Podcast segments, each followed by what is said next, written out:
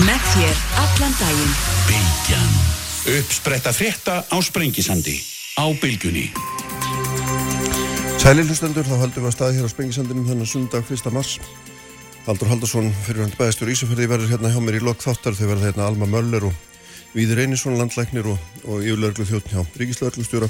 Katrín Jakobsdóttir, fórsettsráð þeirra verður hérna líka en nú er sestur hjá mig Guðmundur Kristjánsson sem er fórstjóri og aðalegandi Brims, sjárótisfyrirtæki sem stóra hérna í Reykjavík. Annað tveimur stærstu sjárótisfyrirtækjum í Íslandi. Velkomin Guðmundur. Takk fyrir. Uh,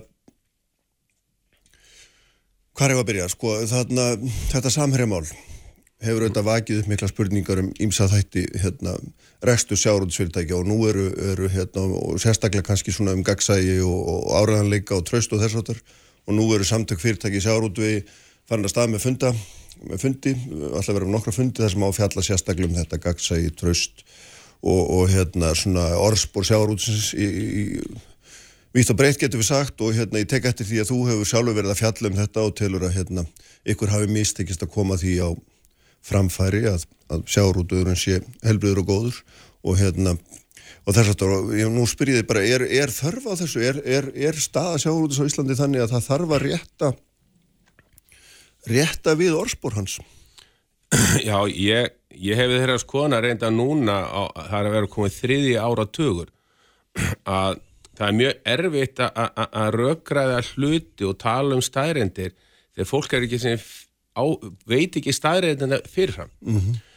eins og þegar ég kem heim og ná með 86 þá held ég að kótakerfi fiskvöðstjórnarkerfi í Íslandi var í sér Íslands fyrirbreiði og við hefum fundið allt upp og svo þegar kom til vissa ára og fóru að stúta þetta betur þá segja að Íslenska fiskvöðstjórnarkerfi er byggt á grundvelli alþjóða hafrættasáttmálans mm -hmm. Og, og, og það er til dæmis artikel 61 og 62 í alþjóða hafrættarsáttmálanum sem er tekið á sko, hvernig að stýra fiskveðum að því vandamáli í heiminum hefur verið og var og kannski e, e, mikið en þá er ofveiði. Mm -hmm. Það er illa gengið um náttúru öðlindir og þá kom spurningin upp er betra að ríkisvaldi sjáu alfarðu um nýtingu náttúru öðlinda eða eigu að láta íbúana í Londonun bera líka ábyrð á nýtingu náttúruauðlinda og hér á Íslandi var tekin ákvörðun í desember 1983 að, að ábyrðin er þið færð á greinina stórum hluta en í góðu samstarfi við Hafráðsson mm -hmm. og svo byggum við til eftirlistofnun sem var fiskistofa sem var byggð á grundvelli Fiskifélags Íslands. Þannig að, og svo er pólitíkin, þjóðkjörnir fulltrúar, þeir hafa alltaf endalegt vald. Mm -hmm. og svo þegar við komum með laugin hérna 1989 90 þegar við förum í framsæli fyrst komum lög 8, í desember 83 og svo kom þessi stóru lög kringu 1990 sem framsæli er left og þá er komið inn í, í fyrir fyrstu greinina að nýtjastofnar á Íslandsmiðin er samegn íslensku þjóðarinnar. Mm -hmm. Og hvað þýðir þetta á fyrir venilegan borgar á Íslandi? Megu við þá öll fara að nýta öllindina mm -hmm. eða er þetta samegn í hvaða skilningi? Já, það er góð spurning. Já, og það sem ég fekk margar áleitt og ég hef, hef alltaf verið mjög hrifin að Sigri Linda, lagaprofessor og ég marg spurði hann og hlusta og lasa alla greinar og hann segir þetta þýðir það að alþingi Íslandinga hefur lagavaldið hvernig við nýtum öðlindina mm -hmm. og alþingi ákvað að láta veiði réttin hennar kvóta á fiskiskip, ekki mig og þig, ekki fiskulstöðar og alþingi gat ákveða að selja haspjóðanda veiðirétt mm -hmm. en á, alþingi ákvað að setja þetta á fiskiskip og að koma hæstarættadómarar og alþingi hafi heimildina til þess þá ertu búin að færa mikið vald til útgerðar. En útgerðin var nú alltaf á husnum hérna áður fyrir, reglulega komum lónubrestir eða þorskbrestir mm. og þá komu hagfræðingar og sögðu, ef við erum með fjögur skip, þú eru öll á husnum og það er einn skipstjóður sem á hvert einasta skip, þá er þið að saman er kannski fjögur skip í eitt skip og þá eigið þið 25% í þessu eina skipi því fjóri menn og þið verða ákveða hverjum missa vinnuna og hvernig ætlaði að gera þetta? Mm -hmm. að því stjórnmálaaflið var ekki tilbúið að fara í þess að miklu hægræðingar sem allir viss að þurft að gera. Og það þurft að skera niður flotan það voru alltaf mörga fiskunnstöðar, alltaf mörg skip, við vorum að ofvega og ég, e, en þetta tókst að því að raunlega útgerinn, Hafrásunstofnun og stjórnvöld unnu saman. En á þeim tíma voru þrýr menn mjög óvinnsælir á Íslandi. Mm -hmm. Það var Kristján Ragnarsson sem var fyrir útgerina því hann var að segja útgeramenn því með ekki veða frjálst og því með ekki veða minna. Það var Jakob Jakobsson, fórstjóra Háró, að því hann sagði, sagði okkar vísendalögu gögnum eru við ofveða fiskistofnuna og það verður að skera niður.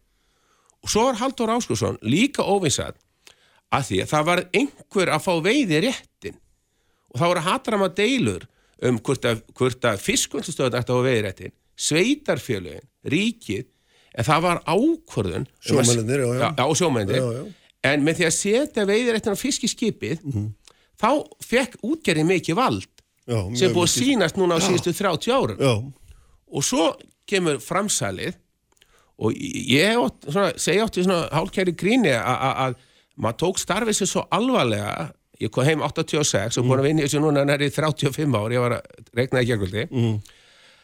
að ég vann svo eftir lögunum, svo allt í hennu föttu við það að við erum bara einu óverinsælustu menn þjóðarinnar. Já, og, og, og hvað er að gerast hjá okkur? Við erum með frábæra fiskiskipaflota, við erum með velmentaða sjómenn, við erum með góð gæði, við erum að reka sjáarhættu með hagna, einu örfáðan þjóðum í heiminum, við höfum náða að vernda fiskistofnana, við skilum fullt af skattekjum til ríkisins, en, en sam, við erum að fá fullt af útlendingur sem er að hæla okkur, við erum búin að minka, minka kólefnisspor, eina greinin í Íslandi sem er staðið við Parísasankomalagið, en samt er einhvern veginn allir óanær með okkur. og akkur heldur það sé? Ég held að það er að því að við höfum ekki náð að segja þessa sögu. Við höfum ekki náð og, og þjóðin, sett, ef við maður klára, Já, já, já, ég held að fórustu menn sjómana hafa aldrei verið sátti við þetta að valdið fór frá skipstjórunum til útgerðamannsins -hmm. og svo fór það til fiskvöslumannsins að hann banna okkur að veiða bara þú okkur dætt í hug. Núna eru markasælæðinni komnir og þeir segja þið með ekki veiða allt í mars-april við þurfum að selja oktober, november, desember líka. -hmm. og svo kannski koma svona ég segi stundum að næstu 20 árum þá koma kannski svona aðeins svona kári í díkót sem taka yfir að þeir vilja eitthvað efni innihald út í fiskinu já og svo náttúrulega sölu keðunar sem að þurfa að hafa fiskin með einhvern tiltaknum hætti og þetta skiptir þetta allt máli. Og útlendingarnir vilja fá hann alltaf í hverju viku. Já. Við viljum kannski ekki veiða í hverju viku. En getur ekki skýringin á því að óvinnseldum ykkar verið þú að, að hérna, fyrirtækjunum hefur mitt fækka svo miklu meira en menn heldum og völdin hjá einstaka útgerðamönnum eru orðin miklu meira en þau áttu nokkuð tíman að verða og síðan er það þannig að, að stærstur hluti sjáaraflans er náttúrulega komin á hendur örfára manna í raun og veru. Jú, það má kannski segja það en þegar þú segir örfára manna að mér skildist það hérna 1930 kveldúlur sem var þá eigu nokkra manna við erum með 30-40 útlutningi í já. og Má hérna vel vera rétt en þú veist alveg hvað ég hvert þér að fara Nei, nei, nei, nei, ég nefnilega veit ekki. Nú, já, já. Nei, að því að þegar við vorum með bæjarútjærinar mm. þá voru raunlega völdin hjá örfáum aðlum völd á hverjum tíma munu alltaf vera hjá fáum Já, og þá var eignarhaldið náttúrulega almennings. Nú eru bæði völdin og eignarhaldið að sömu hendi. Nei, eignarhaldi á þeim Nei, akkur segir það, Guðmundur, að það Já. sé ekki þannig. Já, ég ætla að röggstæða fyrir Já, að því á þeim tíma skipti máli hver átti fisk í skipi og, og ég tók hérna eina mynd bara að því ég mig gruna og kæmi með þessa spurningu -hmm. hérna er mynd sem, sem 1981 sem Simon teiknar í morgunblæði þá er verið að sína ráðherra hvernig hann velur hver fær atvinnutækið? Að þá skipti máli eiga tógara já, og svona nota hann afferðina hann nota bara bolla, bolla, bolla. Þú fær, ef þú ert í réttum pólitísku flokki þá farið skipið. En þú hafði kannski enga kunnóttu að reka fyrstirtóran eða, eða ísustóran þannig að á þeim tíma hafði sá valdið sem hafði peningavaldið og það var bara ríkið. Núna til dæmis í okkur ef ef ég tek brem sem dæmi ég er forstjórin og ég hef mikið vald en ég verð að fá heimild stjórnar það, það eru fimm í stjórn veitu, hvað áttu stóran hlut í fyrirtækinu? 50% eða það er um byrj? nei, nei, nei, nei. Ég, ég, ég og sýsti mín eigum 44% Mm Já, það er nú þar um byrj. Já, það er alltaf fullt af skuldum á baku það Já, já, já, ég veit Já, það, já, já. en það er líka hlut að, hérna, hlutir sem þú getur notað í atkvæðagreislum ekki satt. Já, en, en, en hafur einhver hafa þetta vald? Já. Þú getur þá tekið valdi frá mér og hvert viltu setja það þá? Viltu setja á fórstjóra lífeyrisjó, stæðasta lífeyrisjóin? Viltu setja það á borgarstjónin Reykjavík? Viltu setja á, á sjáurtsráþarann? Það verður einhver hafa valdi á hverjum tíma. Þetta er bara svo heimili, ef út með fimm börn, ég vilti að mamma sem ræður inn í end og það er bara samþygt, það vita allir. En, en sko, þú getur náttúrulega haft þálega því nú ert þú til og með fórstur í skráðu félagi þrátt fyrir að þú eigir og því hérna, fjölskyldar svona gríðarlega háan hluti sem er nú óvennilegt og hlýtur að vera hérna eins og að þeir var nú hérna, miða yfirtöku skildi allavega í fjármálafyrirtæki var miðið 30% hér áður fyrr Nei, við erum búin að fara í gegnum Já, auðvitugskilda. ég, ég veit það, en þetta er samt mjög stór hlutur og það er mjög erfitt að vera minni hluta eigandi í fyrirtæki þar sem að aðal eigandin á 44% hann þarf bara örfáa með sér til þess að stýra fyrirtækin eins og hún sýnist Akkur þarf það að vera slæ, slæm? Nei, það þarf ekki að vera slæmt, ég er ekki að segja það en það er náttúrulega augljóst að því við erum að tala um hvar völd og áhrif liggja Já, veitu, þegar Apple var, það vissi allir að Steve Jobs hafði rosalega áhrif. Hann hafði rosalega vald. Og, og, og, það veit allir í dag að Katrín Jakobsdóttir hefur mikið vald í ríkistjóninni. Og það, það, valdið liggur alltaf á ákvönda, en þá kemur þetta gagsæju. Að í mínu fyrirtæki vita allir að ég hef mikið vald. En ég þarf alltaf að fara vel með valdið. Og ég má ekki misnota það. Og stundum er bara gott að vinna með Ég meina þegar Lars Lagerbæk kemur hérna í fótboltan, hann tók valdið til sín og við sáum árangurinn. Þa, þá sk- skiptir máli, hvað viljum við fá út úr sjáurútun? Hvað vil set, þjóðin og, og hvað viljum fá út úr sjáurútun? Viljum fá arsemi, viljum fá sem flest störf, viljum fá ofveiði, megum menga eða ekki menga. -hmm. Og svo velur einstakling á hverjum tíma. Og líkilættir eins og fyrir brím er að hafa gott fólk á hverjum stað í allri virðiskeiðinni. Hver á fyrirtækið á hverjum tímapunkti er ekki aðalatri. Bæjar út, eh, Reykjavíkuborg áttu stóra hluta. Það voru einstaklingar sem áttu íspjötnin. Hérna, Gústi Prófessor átti hræfistöðinu í Reykjavík. Haraldur Böðarsson. Að það er alltaf á hverjum tíma sem eru mikil völd hjá fáum einstaklingum. Og það er, bara, það er alveg rétt. Já, en, já er, er, sko, en þá erum við með þetta hlutafélagaform sem er alminnislutafélag. Það sem þú getur líka verið með dreifða eignaraðild. Þú getur verið miklu dreifðar eignaraðild heldur en er hjá þér til dæmis. Og hérna, þar sem þú getur haft völd og áhrif dreifstýðir að því og fleiri geta komið að málum, ekki satt? Það þarf ekki að reka fyrirtæki illa þráttu, er, þó að það sé þannig. Nei, nei, ég alls sammála því, það er ekki að reka fyrirtæki svo illa þó að sé í, um, almenni eignarhald og svoleiðir. Þá, þá er þú líka að sangjarnar móti, það er líka hægt að reka félag vel, það sem er eitt stór eigandi er og margi litlir, en þessi stóri má ekki misnóta sína aðstöðu og má ekki vera um ofbeldi kakvað litla aðalunum. Það má ekki heldur. Nei, nei, nákvæmlega. Og þá eru þú að færa rauk fyrir því um það, hefur stóraælinn misnóta vald sitt í brím eða granda eða fer alveg aftur í tíman? Ég segi nei. Þú ert alveg, alveg, hérna, alveg viss um það. Það Algjörlega hefur aldrei verið gert. Já, ég get það ekki muna Það endalust Nei, nei. En, en ég hef verið, ef ég tek mitt fyrirtæki Já, Ég þarf að fara að lögum Við erum með eftirlitin, við erum með fiskistofu Við erum með samkjærsætti, við erum með fjármálættu Við erum með ríkiskastjóra eins og nú er með samherjamáli að samherji er tvö sjálfstæð fyrirtæki. Eitt fyrirtæki á Íslandi Annað fyrirtæki í Íslandi á bara eignir erlendis. Og þá þarf að fá alveg hreint þetta namibíumál, mm. hvar er það statt og hver er með eftirlitskerfi? Að því, ég, ég, ég, mér grunna á að spyrja um spillingu. -hmm. að því, hvað er spilling? Spilling er misbeiting á ofinböru valdi til persónulega áveinings þannig, og spilling þrýst það sem eftirlit skortir. Já, já. og þess vegna vil fólk hafa gagsægi og í sáarútunum ég tel í okkur að sé mjög mikið gagsægi -hmm. ef ég tek bara beint þú getur séð nákvæmlega á hvaða fiskiskip kótin er skráður. Þú getur séð nákvæmlega hver á fiskiskipi þú getur séð nákvæmlega öllum hlutafjölum hver á, á félagi þú getur séð ásætningin hjá okkur þú getur séð til hvaða landa. Þú getur séð, þú getur fengið upp sem hvað við erum að selja fiskir á hvað við gerum við peningin ef við erum að svindla þá getur RSK það eru, það eru alveg stránga reglur um hvernig þú selur fisk eða vöru á milli landa milli eigin fyrirtækja. Já, það, er það tilfellið að það séu strángar reglur um það? mjög stránga reglur. Og skatturinn hefur mjög vítakar heimildir En þegar þú, að selur, þegar þú kemur með fiskina landi í, í, í hérna, já, útgerðafyrirtækinu innan gæslappa og selur það inn í landvisluna Já, Þa, það er algjörlega gagsætt að því að ég var nú útgjörðamæður hérna upp á 1990 mm.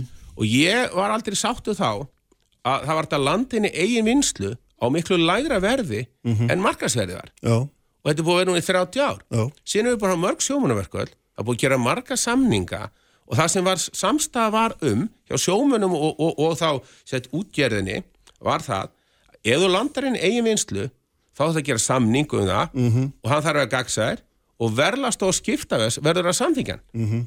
og eins og með makrílin það er alveg hrein í okkur búið að vera núna í, alveg þegar makrílin byrjaði að cirka 33% af útlutningsverðmætti makrís fer til skipta til, til sjómanna og útgerðarinnar eða fiskiskipsins. Sjómanni vilja fá miklu meira. -hmm. en við höfum sagt nei. Ég rekk fristutóra þar eru við með 60 ára gamla kjærasending ég er marg búin að reyna að fá lagan síðustu 15 árin. Sjómanni hefur bara sagt nei.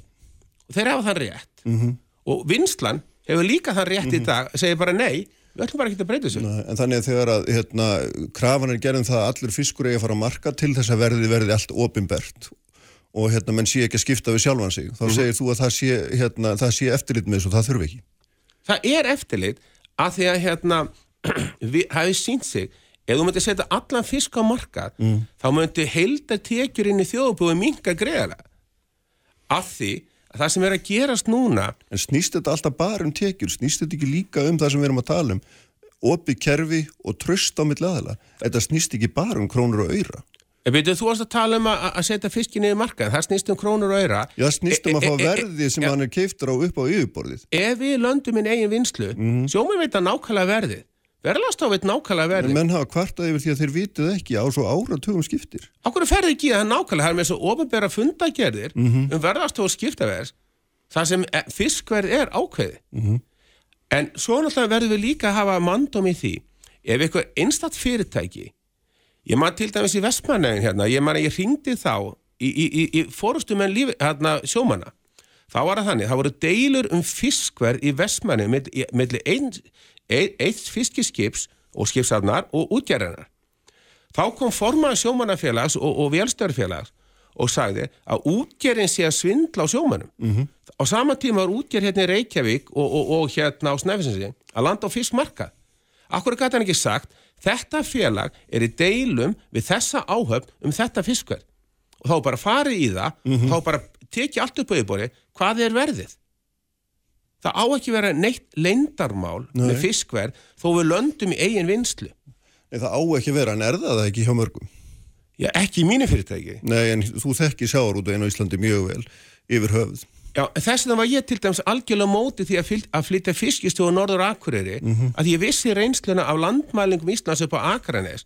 Þegar þú tekur heila stopnu sem er 100 ára gömul og bara dömpar henni eitthvað langt í burtu hver heldur að niðurst að verði? Auðvitað hætti allir starfsmennir svo það er að byggja allt upp á nýtt og eftirlitið algjöru mólu Það hefur verið algjörum mólum. Já, og hver tók þessi ákvörðun? Það voru kjörni fulltrúar, það var á Já, þeim já, tíma. já. Hér voru gríðarlega mótmæli, það var mótmælt, en, en, en framkvæmdavaldið mm Mhm. kyrði bara yfir alla. En sagan segir sem sagt að þínum að það að eftirlitið með þessu hafi, hafi hrunið. Algjörlega, þú, þú mistir allt besta fólki út, út úr, út úr sér stofnunni. Mhm. En er það, er, af þinni reynslu í sjáarútinu, myndur þú segja þá að það væru fyrirtæki sem væru í, í því að landa hérna, eigin afla inn í eigin vinslu og, og hérna væri ekki að greina rétt frá verðinu? Ég hef ekki hugmynd um það, en það, ég, það sem ég er að segja, það eru tæki og tól til að aðtuga og sjómanna fórustan og ég stundum verið að hugsa þetta núna þegar ég horfi hérna á, á, á þessa uppákomin kringum eblingu, að því að ég, ég kannast marga fórustu með sjómanni gegnum tíðina. Þegar áður að vera formenn, þá er maður góði spjalli við þá. Þegar þeir verða formenn, stjættafélags og farið sjónvarpið útvarp, þá er þetta að sé bara einhver alltaf aðra personur svo þegar hætta í þessu stoppi þá nær maður að tala aftur við þau. Svo spurði ég einsinni fyrirverandi spurði mér svo tvo, fyrirverandi formen stjættafélag, akkur er látið þið svona?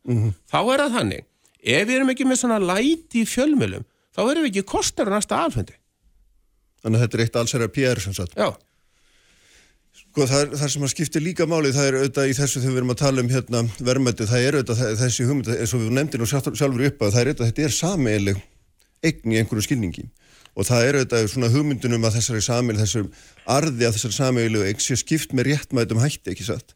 Það er það sem er grundvöllurinn undir og það er það sem að fólki í svíður að það telur með einhverjum hætti að það horfir á þessi stóru fyrirtæki, þau stækka og stækka, stækka, eblast og eblast og eblast, hérna, greiða út há, háa, hérna, háar argreifslu til eigenda sinna og, og eftir situr þá þjóðina þeirra mati með allt og litla hlutild í þessum þessari sameilu öðlind sem að hérna ykkur hefur verið útlutað reyndar og ótímabundi til þess að veiður. Jú, þegar þú segir ykkur, mm -hmm. fiskiskipi fekk útlutuna Já, fiskiskipi fer ekkert sjálf Nei, betur, leið mér að Já, klára leið mér að já, klára, já. grýpur alltaf fram í mig þegar að taka um staðrendina Allt í lagi. Fiskiskipi fekk útlutuna Já. og 1984 voru stærstu útgerðirnar bæjarútgerðir og ríkið Svo gerist það núna á 20-30 árum að bæjar, uh, ríkið og sveitafjölu vilja ekki reka útgerð. Þetta er vesen, þetta er leiðilegt, þetta er kvap. Mm. Svo þegar myndast eigi fjö í kannski bæjarútgerð, þá vilja þær heldur selja og byggja ísokjuhöll eða reykjökinga vildu selja þetta. Svo koma einstaklingar, að því oft eru einstaklingar bara mjög hæfir til að reka fyrirtæki. Og ef við erum að græða mikið, þá er skattkjærfi í landinu, það eru lög og reglur í landinu og það, við alltaf að fylgja lögum og reglum og sá sem fer með skatlatningavaldið hann ræður hvað skattlegu greinin er mikið. Já. Finnst þér hérna greinin verið eðlilega skalluð þá getur maður ekki snúið það þangað. ef ég horfi á önnur fyrirtæki á Íslandi ef ég horfi á önnur fyrirtæki í Noregi, í Evrópusambandunni í Kanada, Grænlandi þar sem ég er að, bera, er að vinna með og bera mig við þá borgum við mjög háa skatta en við getum það að því greinin er vel rekin. Og hún, hún er gagsæ en það er svo margir sem sætta sig ekki við greinin og kerfin og hún er í dag. Og svo þú spyr núna akkur má ekki bara fara þá nákvæmlega onja hvað eru brútt og tekjur greinarinnar? Hvað gerði greinin við peningin á heimasíðu Breims erum við með samfélagsskíslu þar segjum við nákvæmlega hvað varð um peningin sem við fengum fyrir fiskin sem við veitum þetta er ekkert lendamál Nei, nei, ég er ekki að tala um það sé lindarmál, ég er bara að tala um skiptinguna, hvort hún sé réttlátið ekki.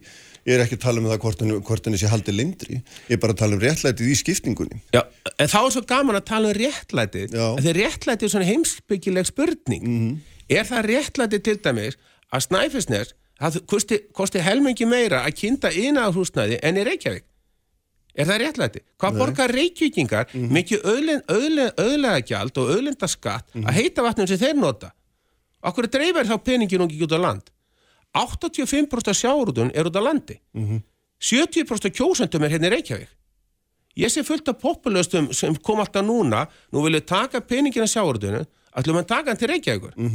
Ég var í Argentínu fyrir nokkrum árum. Það er í Búnus Æris, það er eiginlega engin útgerð.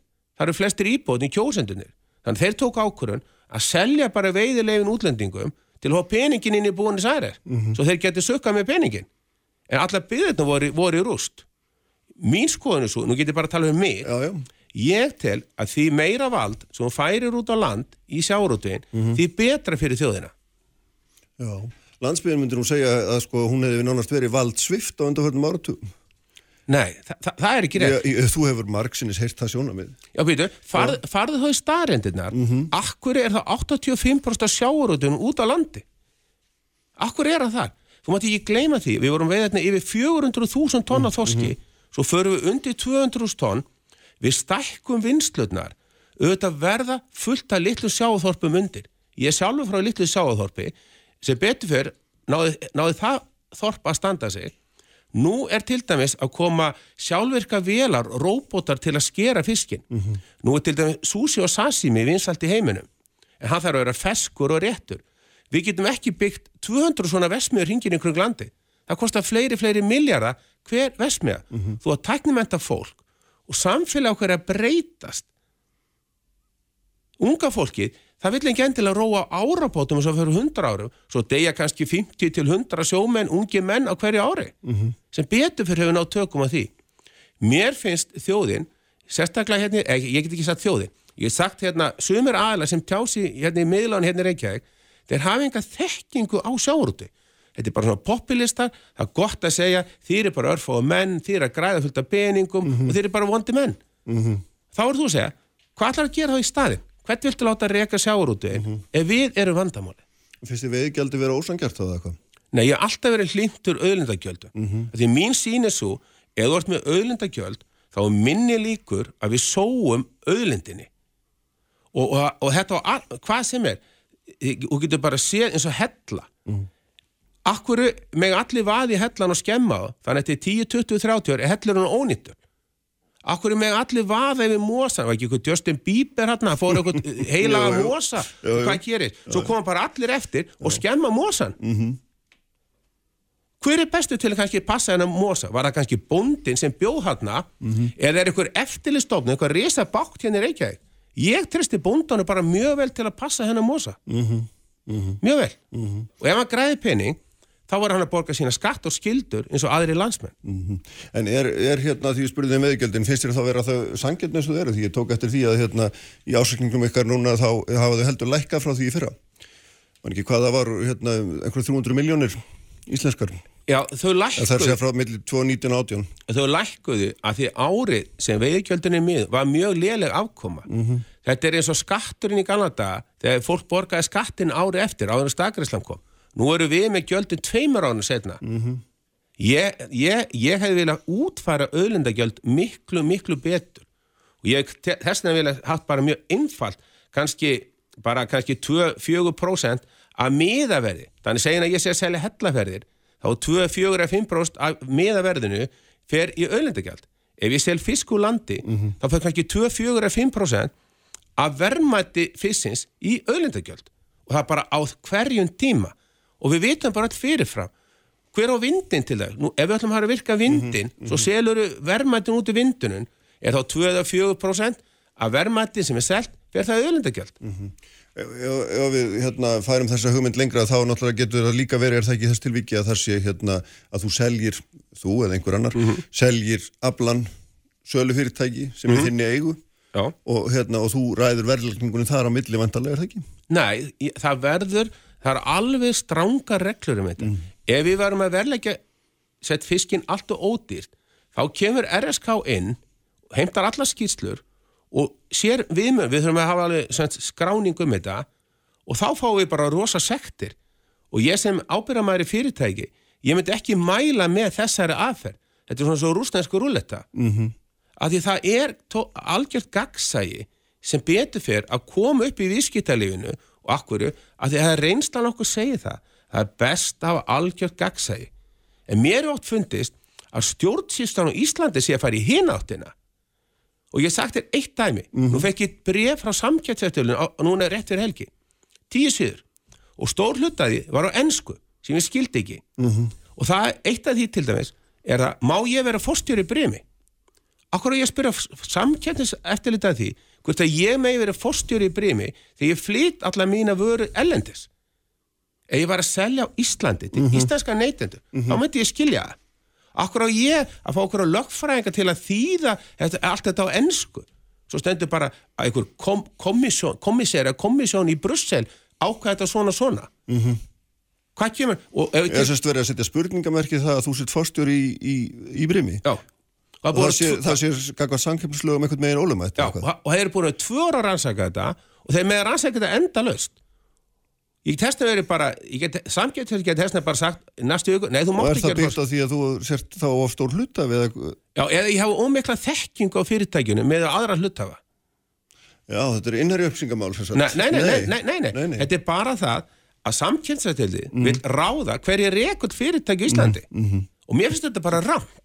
Ertu nú ekki að þess að hérna, ígja hressilega þar þegar þú segir að þeir vilji ráða því en hérna Ég skal bara byrta þessi Já. algjörlega ofinberlega. Já. Þá getur bara að lesa þetta sjálfur. Já, Og ég held til dæmis að íslenska væri máli hér á Íslandi.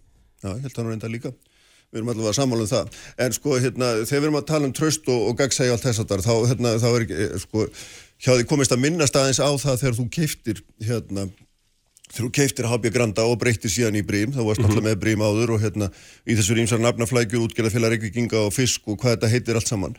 En allavega var það þannig að, að hérna þessu tilvíki að, að að uh, gildi lífyrirsjóður sem átti hlutabriði HB, Mhm. HB Granda var ósáttur við það hvernig stöðut var verið að kaupa fyrirtæki af stærsta eigandanum, ekki satt? Mhm. Jú. Uh, hérna, Ögurvík sem þú áttir var keift inn Mhm. í HB Granda sem setna var Brim og þú, sölu fyrirtæki sem Brim átti út í út- í útlöndum voru líka keiftatinn og með því egnaðist þú alltaf meira og meiri hlut Mhm. og, hérna, og þú varst náttúrulega fórstjórun átti stærsta hlutin fyrir og þess vegna er ég náttúrulega að, að, sko, var að ræða við um dreift eignarhald og þess áttar og áhrif á völd vegna þú hefur náttúrulega þannig áhrif á völd í þessu stóra skráða fyrirtæki að þú getur náttúrulega nánast gert það sem þið sýnist er ekki Nei, ég, ég get gert allt sem ég sýnist innan lagalega ramma Mhm. og, ég, og ég get gert það sem innan gæsarappa líka sem ég vil innan ramma sem stjórnir leiði mér ég þarf að vinna Gengur lög stjórnin gegn svona stórum hlutafa og fórstjórunum? auðvitað Er það möguleiki?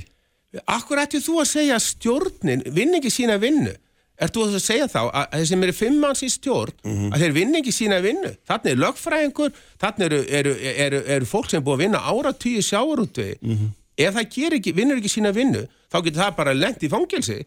Auðvitað vinnur það sína vinnu svo allir aðrir íslendingar. þetta er að tæknum maður hérna sig ekki að vinna sína vinnu Mhm, Jú, jú. en samvöðskanlega ég er- ætti ekki stjórn í brím þá að vinna sína vinnu samvöðskanlega Nei, hvað, hvað myndi þá gerast ef að hérna, þú myndir leggja eitthvað svona til eða hefði lagt það til og stjórnin sagt nei? þá er ég að sætta með það Og það myndi bara gerast þannig og, og hérna... Það hefur gerst. Og, engi sárundi eftir það? Nei, hvað, heldur, maður getur ekki lifa lífinu verið alltaf að horfa í afturspegli og verið í fílu alla daga það er ekki hægt Nei. ég, ég vildi til dæmis fara inn í Grænlandi í fyrra, stjórnin sagði bara nei því mér fannst skynsælt að fara inn í Grænland þetta er okkar nágrannar Mhm. og þeir vilja byggja upp sín sjáurútveg þeir að leita til þekkingu en stjórnin taldi ekki tímavart á þeim tíma Mhm. og þá var ég bara að sætta mig við það með gildi til dæmis gildi vildi ráða hvernig félag er ekki ég var ekki sammálaði og hvað gerir gildið, þá seldu þeir. Já. Kristján Lofsson sagði við mig þegar ég kaupti, Guðmundur, ég ætla bara að varið á lífeyrissjóðunum. Að því þeir eru með einhverja annarlega kvatir í rekstri. Ég er bara að hugsa um hvernig rek brím best og ég þarf að, við þurfum að bera ábyrg á auðlendin sem okkur er trúa fyrir.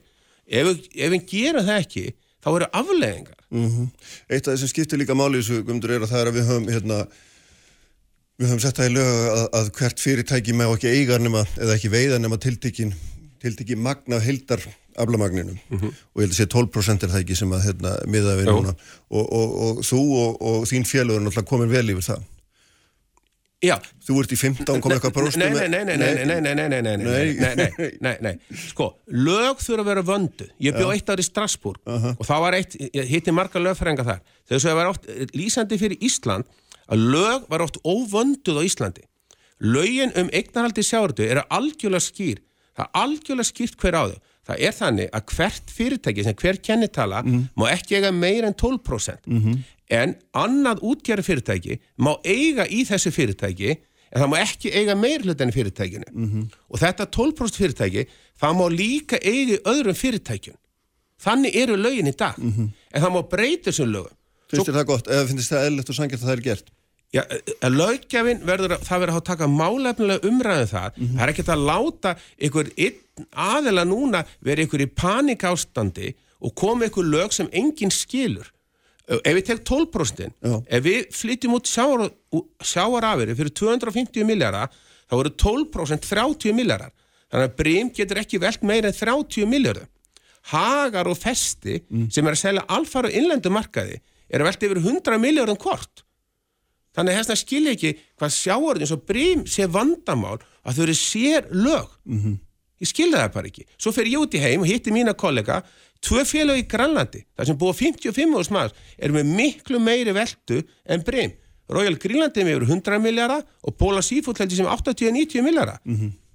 Þetta er uh, norsku fyrirtækinu miklu starri, evrósku fyrirtækinu miklu starri, að því við þurfum alltaf að selja vöruna til erlendra aðila sem vil þá skila gjaldurinn inn til Íslands. Mér finnst átt vanta faglega umræðu um málinn. En finnst þér það að svo faglega umræða gæti alveg slitt til þess að, að þetta hámark, getum kallað að það væri hækkað? Já, það fyrir hvað lögjafinn vill. Já, ég veit það, en ég er að spyrja hvað þér finnst. Já, ef til dæmis fyrirtæki er almenni slutafélag, mm. skráða markaði, þá myndist mér ekkit óæðilegt að það ætti, mætti vera með starri hlutdelt, en þá þannig að líka setja alveg skýrt hvað hver og einn má eiga og hvort að fimm útgerri fyrirtæki mega eiga. Og ef við lítum á kannski þá brim sem svona mjólkursamsölu, að það er hægt að kaupa 20-30 róbóta um allt land, þeir kostar kannski 2-3 miljardar hvert, -hmm. Að það er ekki, er ekki hægt, það, þá verður offjárfesting. -hmm. Þá vinnum við þetta hérna og seljum þetta áfram og þetta verður allir peningur um að koma til Íslands og við viljum borga góð laun, við viljum hafa gott fólk í vinnu og menta fólk. Mm, mm. En það er, ef, hérna, en þú, ef fyrirtæki væri skráðfélag, eignarhaldi væri tiltöla dreift, þá væri lægi að það fyrirtæki geti ráðið yfir meiru heldur en 12% og það er að segja mér að ekki. Ég held að sé ekki hægt að það væri, myndi skada okkar þjóðfélag, mm. en það verður að vinna þetta vel og það verður að vera alveg skýrt hvað, ef þú ætlar að setja nýlög, hvað þýðaðu fyrir íbú okkar lands. Mm, mm. Eh, loka spurningum þetta er sko, hérna, þessi fundi sem er í gangi og, og, og hverju heldur þeir skili? Varðandi svona ímynd og, og ásýnd ykkar og svona þetta trösta því að það er alveg greinilegt að það er hérna, fyrst að samtök fyrirtæki sjárótu eru farin að staða þau telja greinlega að það sé hérna, potubrótin. Ég er bara að fagna því að ég að reyna að ræða af sjársmála faglegum grunni. Mm. Ég held að bara að skili faglegur umræðu og vonandi framhald að því getur þá tekið faglegar og skinsamar ákvarðanir, alveg sama hvað við gerum. Mm. Ljómandi, takk fyrir að koma Guðundur, gott að fá þig og hérna ég held áfram hérna með Katrínu Jakobsdóttur fórsettisraðra eftir augnablík. Sprengisandur, alla sunnudaga á bylgjunni. Sprengisandur, á bylgjunni alla sunnundasmórna. Sælinsustendur, þá er Guðmundur Kristjánsson fórstjóri Brims farin frá mér og hérna allir svona aðeins að vendaði mínu hvaði kross. Uh, þau verða hérna eftir hjá mér Alma Möller og Víður Reynisson. Þá tölum við nú aldrei vel um, um veiruna koronaveiruna eins og hún er nú kölluð eða já, Wuhan veiran var hún einhver tíman kölluð. Og svo er hún líka kölluð COVID-19 Heyrðu, en hérna í mildtíðinni þá er sestirna hjá mig Katrín Jakobsdóttir, fórsettisráður, velkomin. Takk fyrir. Sko ég ætla aðeins að tala um þessa veru við þig líka á eftir en mér langar að byrja með þér hérna í þessum í þessum svona í þessu sem þið kynntu í síðustu viku sem var umfómsmikil uppbygging innviða til þess að bregðast við því sem í ljós kom núna í þessum hamfara veðri í desember. Mm. þar sem komið til að ljósa að marta því sem við heldum að væri tröst og örugt var það kannski ekki. Og svona maður, svona, þetta er svona þetta íslenska viðbræðarsamfélag því að marta þessu held ég að við höfum nú eins og mér að kerfið náttúrulega þekkt mjög lengi þennan að vanda að hérna, það væri bara ekki nógu öflugt.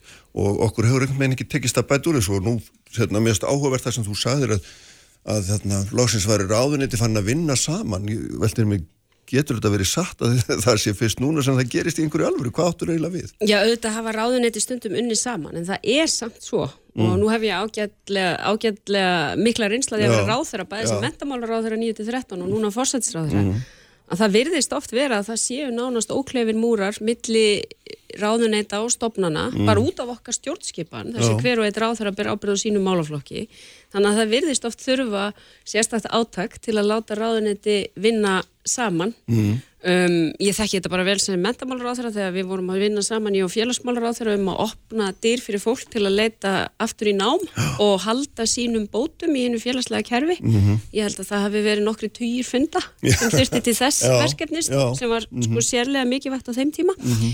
Þannig að þannig er við að sjá þegar ráðnetin setjast saman innan þess að stífa tímarama og auðvitað er þetta verkefni anda þessum ríkistjóðin hefur að gera. Þessi ríkistjóðin er sumuleiti stopnuð um uppbyggingu innviða og við mm. höfum verið að horfa til heilbreyðiskerfis, mentakerfis, samgöngukerfis alveg frá okkar stopnun. Þarna afhjúpast ákveðni veikleikar sem að sumuleiti snúa því að við erum með ólík ólíka stofnanir og ólík mm. ráðunetis mm -hmm. sem er að sinna ólíkum verkefnum Já. og þetta er allt samhangandi afhendingar öryggi rávorku, fjarskipta öryggi samgöngumál þarna þurfum við öll að setja saman við borðið. Já, en það sem er svo merkilegt við þetta finnst mér allavega að vera að, að hérna, því ég var nú fyrir að gæfa aðnutand að vinna næstum heilt ári í stjórnaráðinu frá hérna, november 2008 þegar var nú Þegar var ímislegt í gangi. Já, ímislegt var í gangi, en þá náttúrulega kom það í ljóð sem að segja eins og þeirri reynslu að ráðnetti hafðu eiginlega aldrei unni saman og það, öll mín vinna þá fór í það að samþætt að vinna ráðnetta í mjög afmörkuðu sviðreindar, en ég held að mann hefðu lært sína leksíu þá. Ég held að sko þetta hafi nú batnað töluvert, mm. en þarna, það eru tíu ár síðan, já, já. þú varst þarna og ég, mér finnst það mörguleiti bara út af þessari stjórnskipan og þess vegna nota nú tækifæri til að segja þetta, því við erum mm. með yfirlist markmið um samhenda stjórnsíslu mm. að stjórnar á þessi eitt vinnustæður þá erum við samt eigað síður með til dæla dreifstýrt kerfi og það er ekki bara stjórnaráðinu, það er bara Ísland er dreifstýrt kerfi -hmm. það er í raun og veru það sem maður rennur upp fyrir manni þegar maður vinnur, vinnur innan þessa ramma, hvort sem það er í að samræma störf háskólana uh, rannsóknarsjóðan eða hvað það er, það þarf alltaf tölverst áttak til að Til að það sé hægt. Já. Já. ég veit ekki hvort þetta er eitthvað í eðl okkar en sko ég er samt mjög ána með þessa vinnu því þetta hangir allt saman uh, fjarskiptin heyr undir eitt ráðanetti raforku kerfið annað en þetta þarf að virka saman til þess að allt sé í lægi eins og við sáum svo vel í þessu óveri. En er þetta þá skýringin á því að, að, að til dæmis lagning nýra rafstrengja hefur tafist um ára tugi Nei, mörgum tilvikum? auðvitað, auðvitað er þetta ekki svo einfalt að Nei. þetta snúist bara um samvinnu Af því að það er til með vandamál sem við þekkjum að þetta vel þarf ekki að setja nýja áallin um það. Nei, nei, nei, og það sem er verið að benda og það sem ég stila best við þetta er að það er líka dreigið fram allt það sem er í gangi. Það er ekki svo við séum einhvern veginn að finna upp hjólið hér og segja nú ætlum við að bjarga því sem allt var ómögulegt. Er og önnur innviða fyrirtæki hvort sem er í orku eða fjarskiptum þá eru þau með auðvitað eins og við gerum grein fyrir miklar áallanir um uppbyggingu næstu tíu árin. En hins vegar skiptir mála að þetta sé uh, hérna í samræmi hvert við annað og að stjórnvöld í raun og veru leggja línunum það hverja á að flýta og stóru tíðindin eru þetta þau að við erum að flýta í fyrsta lagi jarstrengir væðingu Rarik þannig að hún verði búin 2025 en ekki 2035 þannig að það eru bara fimm ári það. Já. og síðan að sjálfsögðu uppbyggingu ofanflóðavarna, nokkuð sem var mikið rætt hér eftir snjóflóðin, Já, já. að hefði átt að vera fyrr og við vitum að hefur tafist af ymsum orsökum meðal annars vegna hruns og annars. En við flýtum því þá til 2030 ef við hefum haldið áfram á samarhraða værum við að tala um að þessu er lokið um 2050 og þetta eru þetta rísa mál bara til að tryggja öryggi íbúa um land allt. Þegar maður les þessar áallanir ykkar og ég ætla nú ekki að halda því fram, ég hafi lúslesið þar en samt, uh, ég er, fór, var alltaf að leita, hvað eru nýju peningarnir? Ég sá ekki krónum, ég sá bara heldar uppaði 900 miljardar sem var, mér fannst fyrir ekki alveg fáranlega þessu samíkjörnum að það er einhver uppsefnuð uppaði langt fram í tíman og svo 27 miljardar í flýtiverkefni. það eru nýju peningarnir, þessi 27 miljardar Já. En það er ekkit, það er ekkit nýtt fyrir í þeim skilningi að þið ætlið að bæta því þetta er allt verkefni sem voru á Nei, þe- áætlun. nei, ekki þessi verkefni sko. það eru sagt, 540 aðgerir Mm. þar af hérna En 100 hver er þá munurinn á nýjum peningum 190 og flýtipenningum? Ég, Já, það það- botna ég því, ekki í því. Já, 192 nýjar aðgerðir Já. inn í þessum 540 og til að mynda við erum að horfa bara á allanir sem hafa verið um ofanflóðasjóð, Mhm. við tökum þessu dæmi þá vantaði þar inn í raun og veru 15 miljardar til þess að hægt væri að flýta þannig að það eru hinnir nýju fjármunir. Þeir eru ekkit sérstaklega háir í þessu stóra samhengi, Nei. skilur þau en það snýst En verða þeir þá tekni bara úr ríkisjóði og, og settir inn í framkvæmdi fyrr heldur en, er það, er það Ég, við munum gera grein fyrir þessari fjármögnun Já. inn í fjármálaáallin þegar við kynnum hana og hluta til kemur hún úr ríkisöð, hluta til hérna, þá eru þetta auðvitað fyrirtæki líka Mm. sem hérna er að fjármagna þessar framkvæmdir, opinbyr félög þannig að við munum gera grein fyrir þessari fjármögnun í fjármálaáallin en við treystum okkur til að standa við þetta. Mhm, og það er kannski stóra málið. Já, já, einmitt. Það er náttúrulega við höfum gert áallanir áður um einmitt um snjóflöðavarnina sérstaklega sem, sem stóðst ekki en auðvitað Nei, var það er hér nú mildilega sagt sko. Já, já, já, Áratugum og eftir áallinu en að já. vera það ekki. Þannig að ég held að hins vegar að þetta flóð núna í vetur Mm. hafi þetta mynd fólk á að þessu verkefni er ekki Er það ekki líka aldrei merkild að því við erum að tala um þetta er svona viðbræða þjóðfélag og þetta er svona hérna, valdreifinga þjóðfélag að við þurfum svona alvarlega atbyrði til þess að halda okkur við efnið.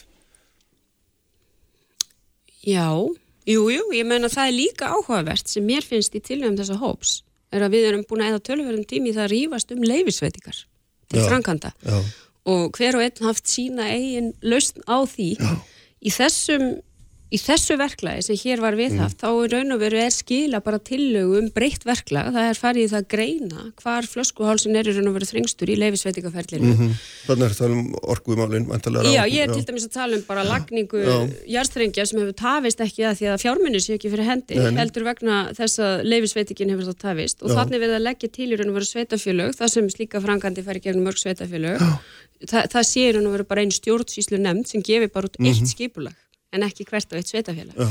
og þetta er auðvitað ný hugsun inn í þetta, þetta kallar á lagabreitingar en merkilegast er að þarna séu við raun og veru sammálum að fara þessa leið. Já, og þinn flokkur sem að hérna aðhyllist vinstri græn sjónamið sem að meðal annars hafa falist í því að, að vera svona heldur andsnúin miklum framkvæmdum í náttúrunni sem að þetta óneittalega er og þess vegna þurft að vera stíft hérna, svona eftirlit með því að þær fari ekki á geist og ég meina þú ert með umhverfisráþara sem hafi það fyrir uh, að atvinnu áður en að var ráþara að kæra hverju einustu framkvæmt sem að framfór í landinu, ég meina það er og ég, ég hef sagt þetta við hann sjálfan þannig að það er ekkit hérna og hann viðurkenni það alveg, þetta var eitt af hans aðalstörfum.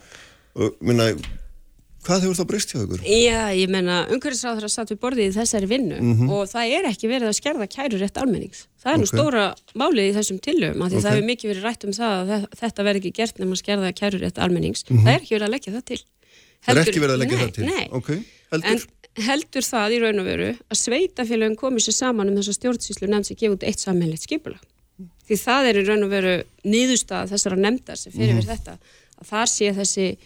Því það er raun og veru.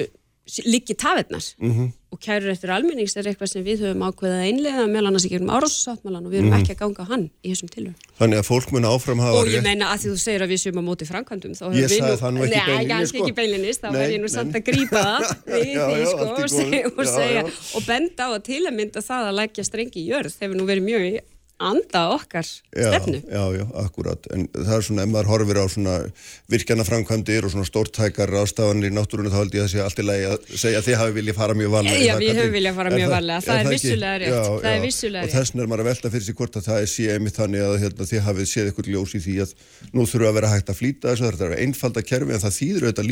það er þeir sem eru ansnúnir, þeir hérna, þurfa þá að vera snegri til, vanda sig, hafa betri Já, rísum já, til þess að já, klara sig að þessu, er það ekki rétt? En þetta eru, þú veist, þetta eru einvarðan af þessum tíu sem við leggjum til.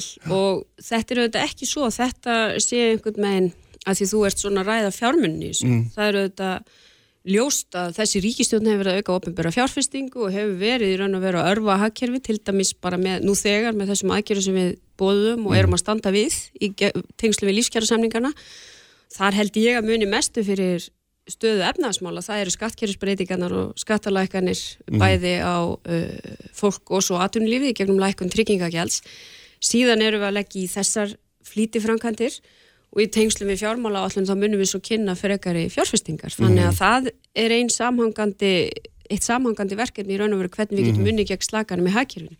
Það sem þessar tilugur afmörkuð snúast hins vegar um er hvernig við getum gert samfélagið okkar betur í stakk búið af því sömulegis höfum við bara séð það við erum orðin háðari uh, raforku já, já. til að myndi fjarskiptum bara við erum sömulegis farin að treysta svo mikið á raforkuna að við erum ekki með varafl í jafn miklu mæli og að við áður höfðum þannig að hluti af þessum tilum snýslega bara breytt skipula Mm, mm. Það er eitt sem að sko vakti aðtikli hérna mína og, og fleiri held ég hljóta að vera þegar að snjóflóðin voru og var verið að ræða viðbröð eða framkvæmdur ofanflóðasjóðs undarfarna áratugi er að það er, það er lagður sérstakur skattur á húsegundur og hann hefur verið innheimtur hérna uh, mikill í nákvæmni en fjöð ekki nýtt. Og nú er þetta stóra spurningin þessi á að halda áfram að innheimta þennan skatt sem að hefur verið látið renna í eitthvað allt annað en að nátt að fara í eða liggur einhvers staðar í kistum eða ég veit ekki hvað eiginlega meina á að halda á, því áfram eða hvað, hvað eiginlega því að nú erum við búin að borga það sem við áttum að borga húsægjandur í landinu fyrir þetta, við erum búin að því. Það eiga að vera til peningar í ofanflóðsjóði til þess að vinna það sem þarf að vinna, menn þeir eiga að vera það. Hvað, hvað verður nú? Já, það er nú svolítið merkilegt með þessa umræðu því ég hef nú heyrt marga vera að fyrða sig á þessu uh, á sviði stjórnmálana, þá var ég ekki að tala um þig. Nei, akkurat. En stjórnmálinn samþyktu líka stefnumörkun í tengslu við lögum óper fjármálum að afnám margar að tekna, það er að segja að uh, þegar við, að við værum í raun og veru ekki með eyrna merta Nei, nei, tekistofna Þannig að svo ákvörðum var tekin á, á sko alþingi þó að ýmsir þingmenn fyrir þessu nú á þeirri ákvörðun. Það er nú eins og það er en uh, þetta er auðvitað bara sérstök ákvörðun sem þarf að taka og við höfum ekki tekin hérna ákvörðun um það í framhaldinu. Ég skil hins vegar alveg þessa tilfinningu þegar maður er að borga hvort sem það er í ofanflóðasjóð eða ríkisútvarpið eða Já, já, já, já. hvað það er. Uh, að þá finnist manni það vera eðlert að göldin renni beint í þau verkefni Já, en auðvitað var þessi ákvörðun tekin að Já, já, já. afnema þessa mörgum Já, tekna akkurat nákvæmlega og, og hérna, þar eftir það rennur gjaldið bara í, í ríkisjóð, í ríkisjóð. En við vitum hins vegar það að gjaldið hefur löngu búið að fjármagna þess að það átt að fjármagna. Þess vegna er spurningin lagmætt algjörlega gild finnst mér það Já, hvort já. að ég halda áfram Já, já, skatta. þetta er lögmætt að spurning verkefni sem þarf er- að taka til skoðunar og umræðu, ég er algjörlega þér?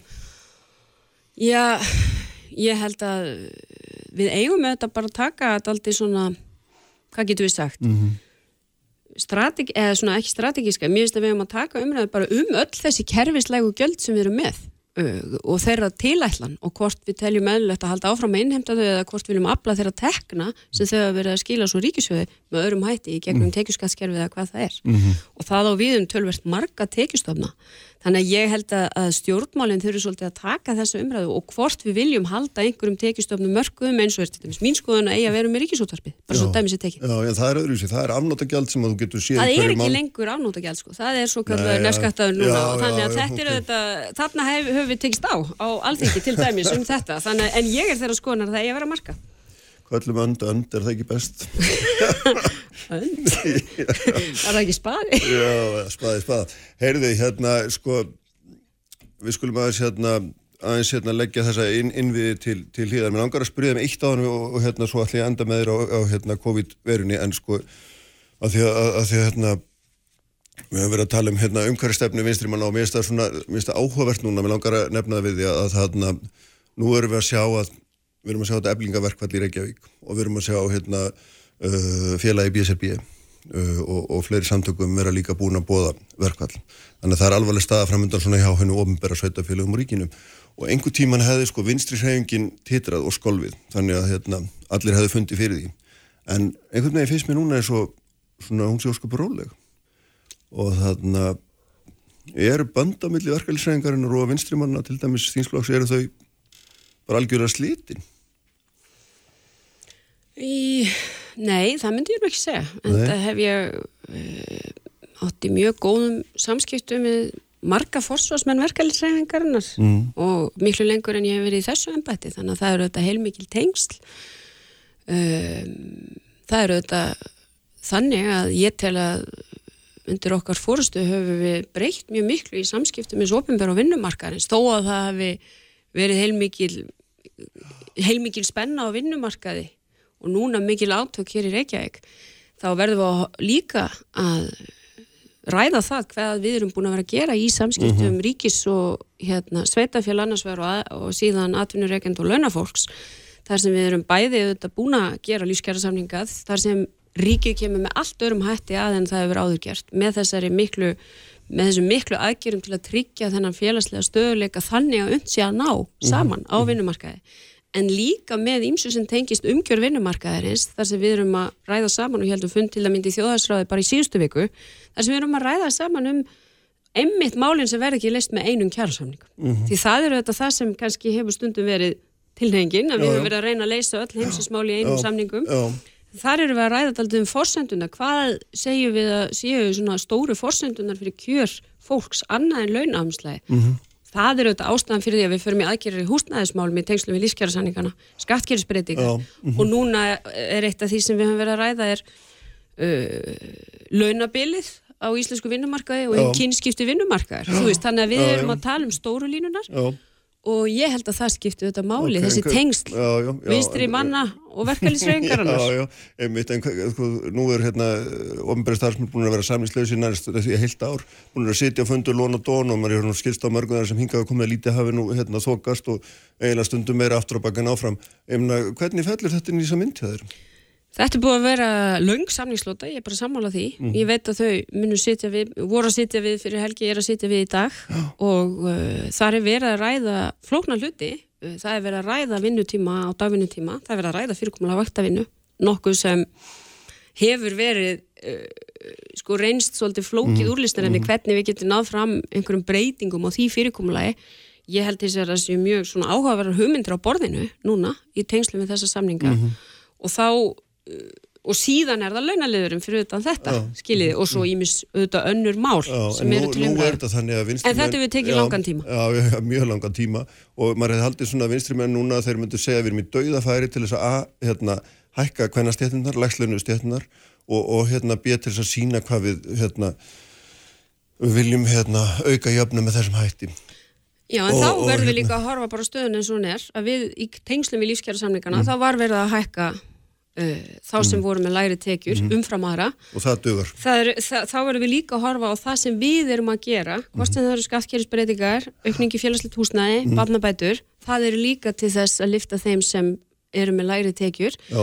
Þannig að við verðum auðvitað að horfa það að hvort sem við lítum til ríkis eða samningar sem gerði voru almenni vinnumarkaði, þá höfum við sammælst um það að við erum að tryggja hér áfram uh, jöfnuð sem skiptir auðvitað verulegu máli þó að Ísland standi vel svona í alþjóðlegum sambyrði hvað var að tekja jöfnuð, þá höfum við ver- viljað beina, sko, vera með þessa stefnu. En finnst þér núna að vera sveirum til þess að hækka legstu launni? Þetta er bara svona einhvern og klárspurning umfram það sem að lífskjara samningurinn Lífskjara samningarnir hafa verið okkar leðaljós í þessum samningavera ríkisins. Hérna í lokin hérna, við, við flökkum á milli málumna en, en allt í lagi hérna, það er þessi veira sko, ég sé að ríkstjórnin hefur sett á fót ráðarahóp Stýri og bráðnstjóra, allra ráðnetta, Já, já, þannig að þar eru raun og veru öll þar verður nú samverjan aldeilis hérna. Ég þá, ef einhver tíma samvinnu, Já. þá er það. Og þetta er auðvitað óbúslega flókin staða sem ekki bara við stöndum fram með fyrir heldur allar þjóður og við erum í nánu samstarfi í Norrlöndin en við erum líka í samstarfi innan Evrópu þegar kem, að þeim sem við eigum sameinlega ytri landamæri með. Uh, við höfum reynt að gæta þessa samræmis í ferða viðvörunum til dæmis og öðru. Og uh, það er auðvitað þannig að þetta er uh, það er ekkit bóluefni til við þessari veiru. Við erum enna svona læra í raun og veru um hvernig hérna hún breyðist út. Já. Og það skiptir bara svo miklu máli emmitt að fólk uh, hlusti eftir leifinningum frá áreiðanlegum aðilum í því hvernig við getum hægt á útbreyslu veirunar til þess að tryggja einmitt það að innviðnir okkar og helbriðiskerfið geti tekist á við það sem kjanna að koma upp og það þetta fælst bara í þessum einföldu leifinningum um handþvott og uh, að nærrið að hosta í pappir og allt þetta. Já, já. því þetta er auðvitað smi, virðist smitast við slíkt. Já, já, einmitt, við hefur áhyggjur Menni þetta er alveglega staða. Og hún er alveglega bæði út frá hilsufærslegum afleggingum en líka bara út frá því að uh, þetta mun uh, hafa áhrif á ferðarþjónustu ég menna lítum bara til að mynda á fjölda kýmverskra ferðamanna til Íslands. Þetta getur haft ímiskonar efnaðarslega áhrif. Þannig að auðvitað er þetta alveglega staða. En það skiptir líka máli að þetta er ekki fyrsti flensufaraldurinn, það var nú flensufaraldur hér 2009 sem var auðvitað með öðrum hætti og hérna, en það breytir því ekki að við eigum trösta innvið til að takast á við þetta. Þurfum bara í raun og veru að vera meðvitt um það að við getum öll lagt okkar að mörgum til þess að hæja á þessar útbreyslu Ljómandi, ég held við segjum þetta gott því ég ætla að halda áfram að tala um þetta hérna við þau Ölmu Möller landlækni og við Reynisson sem er deildastjóri hjá Ríkislörglustjóra en takk Katrín fyrir að koma. Kærar þakkir. Og hérna augnablik uh, tökum við okkur hlið Uppspretta frétta á Sprengisandi á Bylgjunni.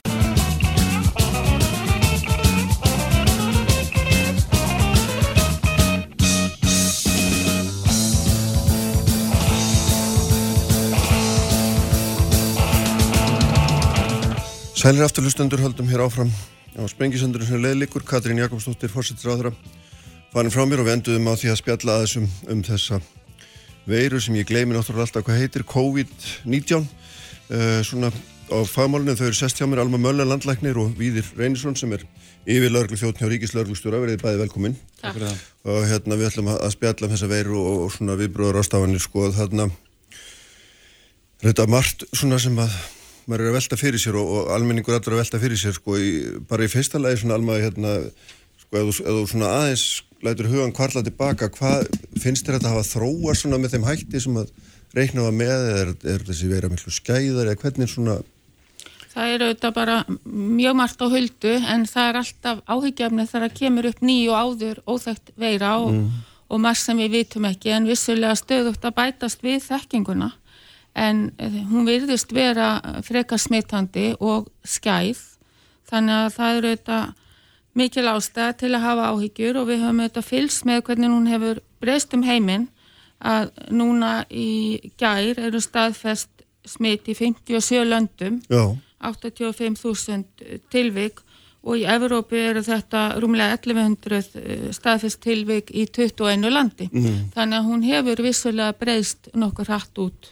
já og sk- kannski hraðar heldur en svona að því fyrst var þetta svona kannski tilturlega afmarkað, sakleysislegt og hérna, búið að loka hann að 5 miljónum manna inni og svona menn öndu kannski léttar bara aðeins. Já, hún verðist hafa komið upp í desember en það er kannski ekki fyrir alveg í lok desember sem að menn gera sig grein fyrir hvað um er að ræða og vissulega gripu kynverða til mjög vittakra aðgerða en þrátt fyrir það þá hefur hún breyst út og þetta sínir að þess að takk lokanir og og aðgerðir að það er skila vissum árangri en mm. þó ekki meira en þetta Nei, og við höfum auðvitað miklar áhyggjur af þessari útbreyslu sem við sjáum núna á Ítalju Já, ég mynd það eru bara 900 tilfellir það ekki? Eða á 900 mestu ástu eftir því sem er já, síndist í morgun Já, það voru tæplega 900 í morgun Já, akkurat, já. akkurat Hvað segir þú við þér þegar þú skoðar þetta frá þínum bæðir um hvernig svona horfur þetta við þér í ögnumblíkinum Já, ég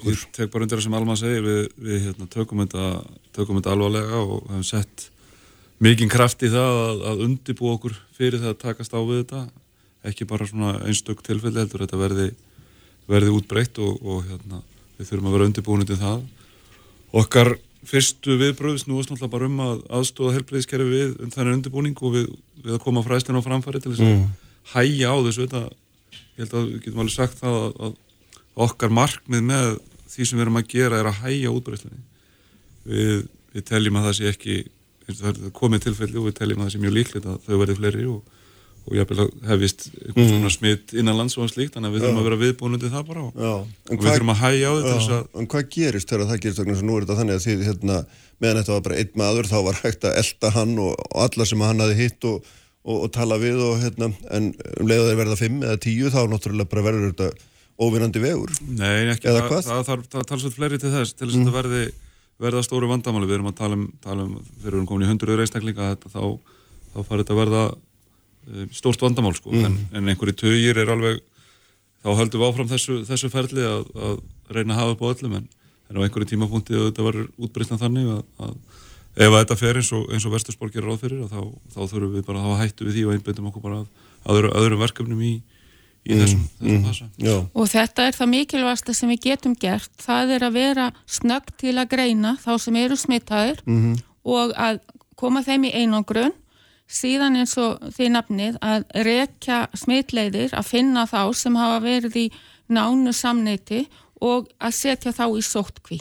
Þannig að þetta er eitt af -hmm. mikilvægasta sem við gerum fyrir utan úr þessar grundvallar rástafanir eins og Já. hér er búið að ræða með handfótt og hósta í klút og henda og allt þetta. Já, já, einmitt. En sko þegar þú talar um sótkvíð þá náttúrulega er, er, er hérna, voru þetta stóra frettir í gæri var það ekki þegar að þegar ákveðar ekki tækja legu heilt hótel og hérna undirbyggi þar eitthvað svona farsóttar farsóttar hús eða heimileg skilst mér að þetta sé kallað og þarna en, en Sko, hver er munurinn á því að vera þar og heima hjá sér til dæmis? Því að nú er líka fólki satt að vera heima og við treystum á að fólk gerir bara það sem því er sagt og framsefni. Hver er... Já, við, við sjáum fyrir okkur að, að það er alltaf best að vera heima hjá sér. Þannig að mm. flestir íslendingar... Og það er bara fullnægend ef maður heldur sínandir að sannsagt. Já, og fylgir þeim leiðbenningum mm. sem að í gildi eru. Það eru mjög nákvæmar leiðbenningar um sóttkví og um einangrun á mm. heimasíðu landlæknis. Þannig að ég vil bara hvetja alla til að lesa þær. En síðan geta þetta komið tilvík þar sem að sá sem er í sótkvík getur ekki verið heima, hann kannski býr með einhverjum sem er mjög viðkvæmur og, mm. og vil venda hann. Og sömulegis getur þetta komið upp hjá útlendingum sem hér eru statir og eigi ekki heimili. Þannig að þess vegna vildu við mm -hmm. hafa þetta sótvarnar hús og það er búið að hérna líka lengi fyrir að það þýrst að tryggja slíkt, slíkt hús og til dæmis uh, setjum nú svo að ferðamenn sem koma til landsins séu smittaður, það uppgötist þá fara þeir þangað Já. og eru þar eins lengi og við bara viljum að þeir séu það, er, hver, hver er eiginlega valdmörk okkar í, Já, er, í þessu?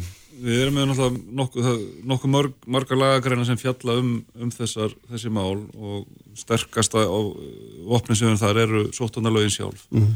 sem fjalla um, um heimildi til þess að ákveðja fólk og setja í sótkví gegn þeirra vilja jafnvel og, og við munum náttúrulega beita því að þarf en, en lang flestir og, og bara allir sem við erum að tala við og erum samskiptum við skilja þetta alveg, það er engin að uh mhm. -huh. allar engin að fara að rjúka eitthvað út, út undan sér í þessu heldur, heldur vilja mann alltaf hugsa um sína helsu og annara og eða mm. fá þá þjónustu og þar upplýsingar sem þurfu, þá mun fólk virða þetta en auðvitað er við viðbúin. En þú veist ennþá bara að tala við fólk hér, ég minna við erum að tala um mann sem kemur yngi og allavega verið nýtt dag en þú segir að þú því miður, þú eru að vera hérna á hótel, inn á hótelebyggi mánum, átti ekki svona fara út á svalir. Já, tvæ, tvær vikur, nei, en við, sko, við setjum þetta upp þannig að, að mann sé í sótkví í tvær vikur mm -hmm. og, og ef þeir veikjast þá náttúrulega þurfa þeir að fá einhverja þjónustu og, og þá náttúrulega því, því það meiri einangur en heldur en það að vera í sótkví. Mm -hmm. Það er svona styggsmunur hann á milli. Uh -huh að til og með þeir sem er í sótkví það við leifum þeim alveg að fara út og fá sér færst loft og, og lappa fram og tilbaka í gardinu með að jafnvel að setjast upp í bíl og keri tring svo lengi sem þeir eru bara ekki samskipt við annað fólk þannig að, að vera í sótkví þýðir ekki það sama og vera í algjör einangrun Já, en, já, ok, þetta við sér endur ekki, ég hef alltaf skiljið sótkví sem, sem einangrun en já, já. Nei, já. sótkví er, er ekki, það er ekki búið að staðfesta hjá smitt en þú hefur verið útsettur, Aha. þannig að þá viljum við að fólk sé í sótkví 14 daga af því að meðgöngu tími, tímin líð, sem líður frá því að veiran kemur í því þangar til að veikist, getur verið langur. Þannig að þetta eru 14 dagar. Síðan einangrun, það er fyrir þá sem eru með staðfest smitt og þá viljum við að fólk sem er ekki mjög veikt og sem betur fer vitu við að flesti sem fá veirun í sig þeir veikast mm. ekki alvarlega. Mm -hmm. Þannig að þá sjáum við fyrir okkur að þeir sé einangrun heima hjá þeir og hún þarf að vera þar til tíu dögum eftir að viðkomandi er orðin hittalus þannig að þetta eru reglurnar. 14 dagar sótkví, einangrun 10 dagar til viðbótar eftir átt orðin heitalus mm -hmm. Hvað, sko því það hérna eitt af þess sem kom nú aðeins á úvart heldur hljóta að vera er að, er að þessi eini maður sem að smitast yfir Íslandi kom ekki veiku til landsins heldur. Viktist hann mörgum dögum eftir hann kemur í raun og veru eða minnst þú veist, koma einkenni þá fram er það ekki rétt að, að segja? Og það, það er svona hlýtur á hann spurningu hvað hvaða grass er þessi veira í fólki lengi áður en að hún brýst út, ef svo má segja. Sko. Já, það, það getur verið, þess vegna erum við 14 dagar, það getur verið upp að því. Já. Þannig að það eru nokkri dagar, það er dolti breytt byl, kannski tveir dagar, fimm dagar, sjö dagar, eitthvað mm -hmm. svo les. Mm -hmm. En það eru dæmi um lengri tíma og þess vegna höfum við þessa varúð í 14 daga. Mm -hmm. En nú er fólk að koma allir með frá Norður Ítali og hinga og ég veit að margir hafa hérna, viðra áhugir sínir af því að það er að koma heilu farmadnir, hérna, flugveila farmadnir af fólki sem hefur verið á skýðum mhm. og, þarna, og, og við bara yftum öllum og hleypum þeim í gegn.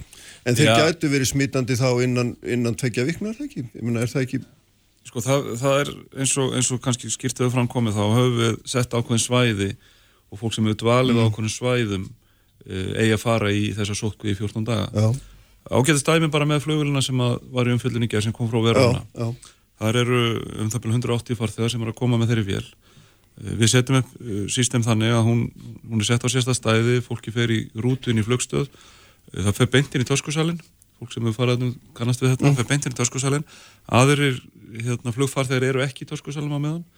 Eh, þegar þau koma inn þá mæ, mæta þeim lauruglumenn og heilbreyðistarsminn sem að afhenda þeim einfaldan upplýsingar með leifinningum hvað, þau að gera. Og tveir einstaklingar í þessu tilviti gáðu sér fram og voru með flensulíka engin og voru tekið núna síni og við fáum út af þeim í dag. Mm -hmm. en megnaða fólkinu sem var í þessar flugulu var að koma að skýða sem eru utan þess svæði sem við skilgrunum og það fólk þarf ekki að vera í sótkví. Og það fekk kort og fekk mjög ég, skýra leifinningar í gær þetta fólk, mm, mm. hvernig þetta á að vera. Og þetta er það sem við erum að, að reyna að gera þannig að við erum ekki bara eitthvað Hvernig getur við verið svona vissum hvað, hvar eitt svæði byrjar á annað endar sko að þetta dreifa eins og Norður Ítalið sem veiran dreifist með hérna, eldingarhaða augnumblíkinu þá, þá, þú veist, þessi skíðasæði liggja öll hvert við hlýðin á öðru sko þó að þú sért með einhver, einhverja svona manngerða línu þar á milli sko.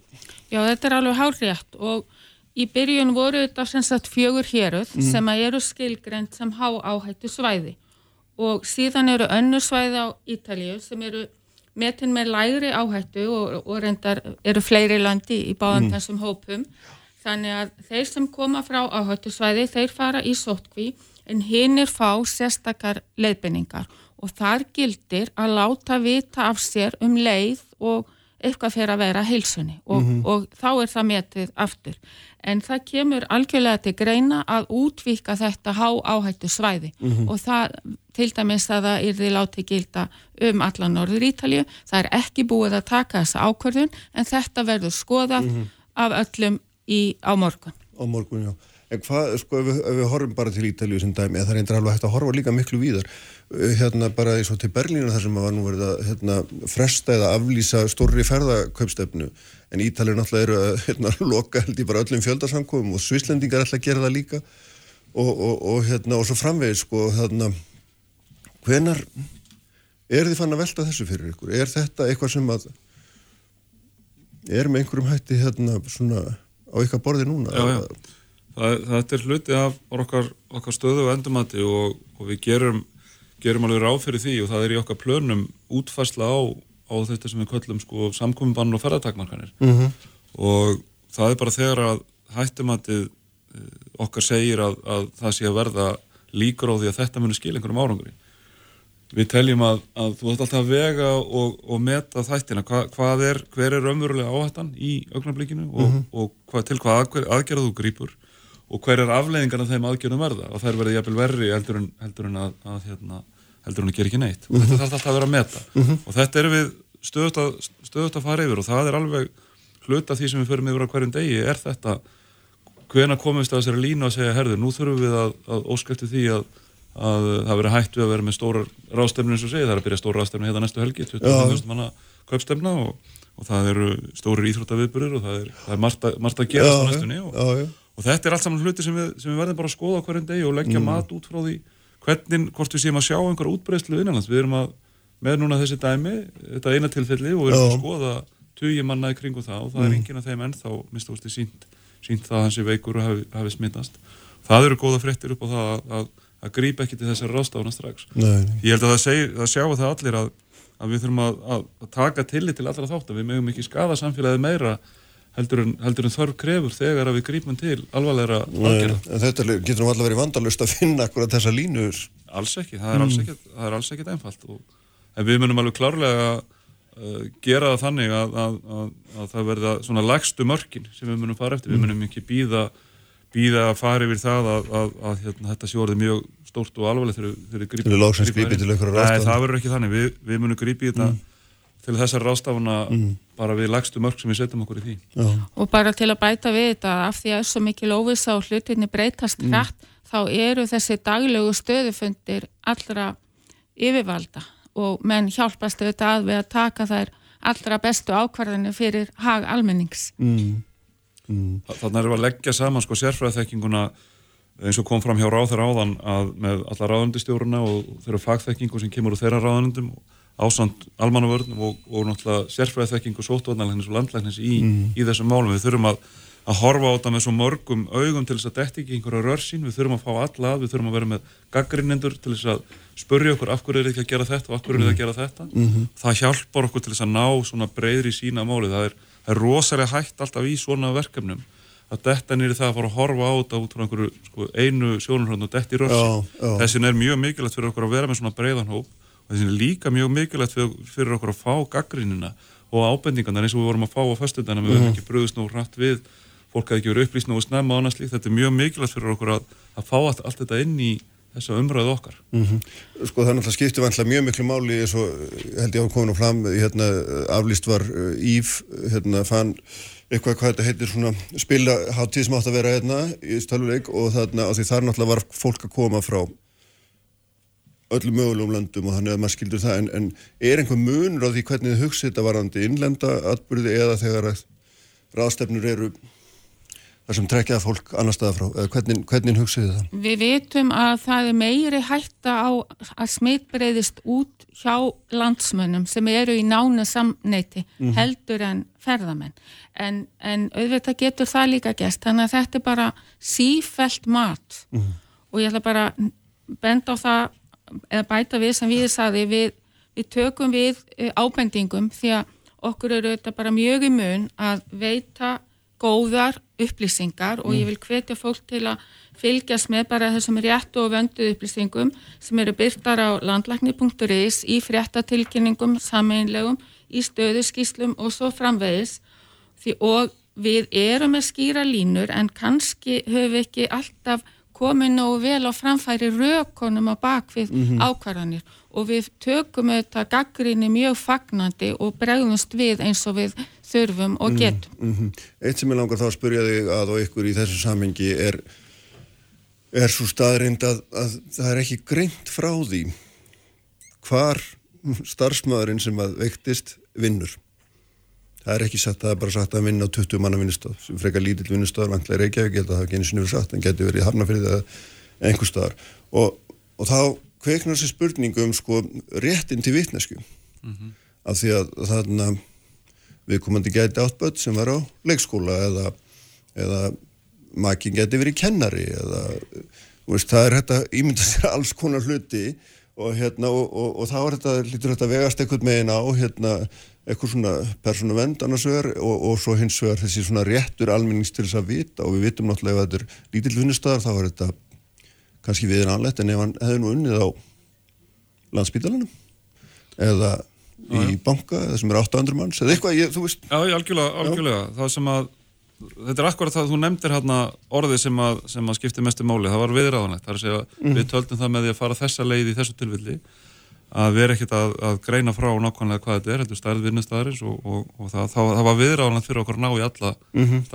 starfsmennina. Þeir brúðist þetta mjög vel við sjálfur tilfelli sá sem, að, sá sem er veiktur, veikur, hann hefur samband strax við sín vinnustæð, þar taka menn bara þá ákvörðan að þeir lókuðu staðnum og, og byggðu eftir að að fá upplýsingar, það tók langan tíma, við vitum það en, en þau bröðist þar rétt við. Ef að þeim hefði verið að ræða mörg hundru manna vinnustaf mm -hmm. sem að getur alveg verið tilfelli þá held ég það að við munum, við munum taka það með öðrum hætti en það verður ekki það verður ekki hægt að afgræða það með einu eða tveimur símtölum Nei. eins og við gáttum í þessu tilfelli.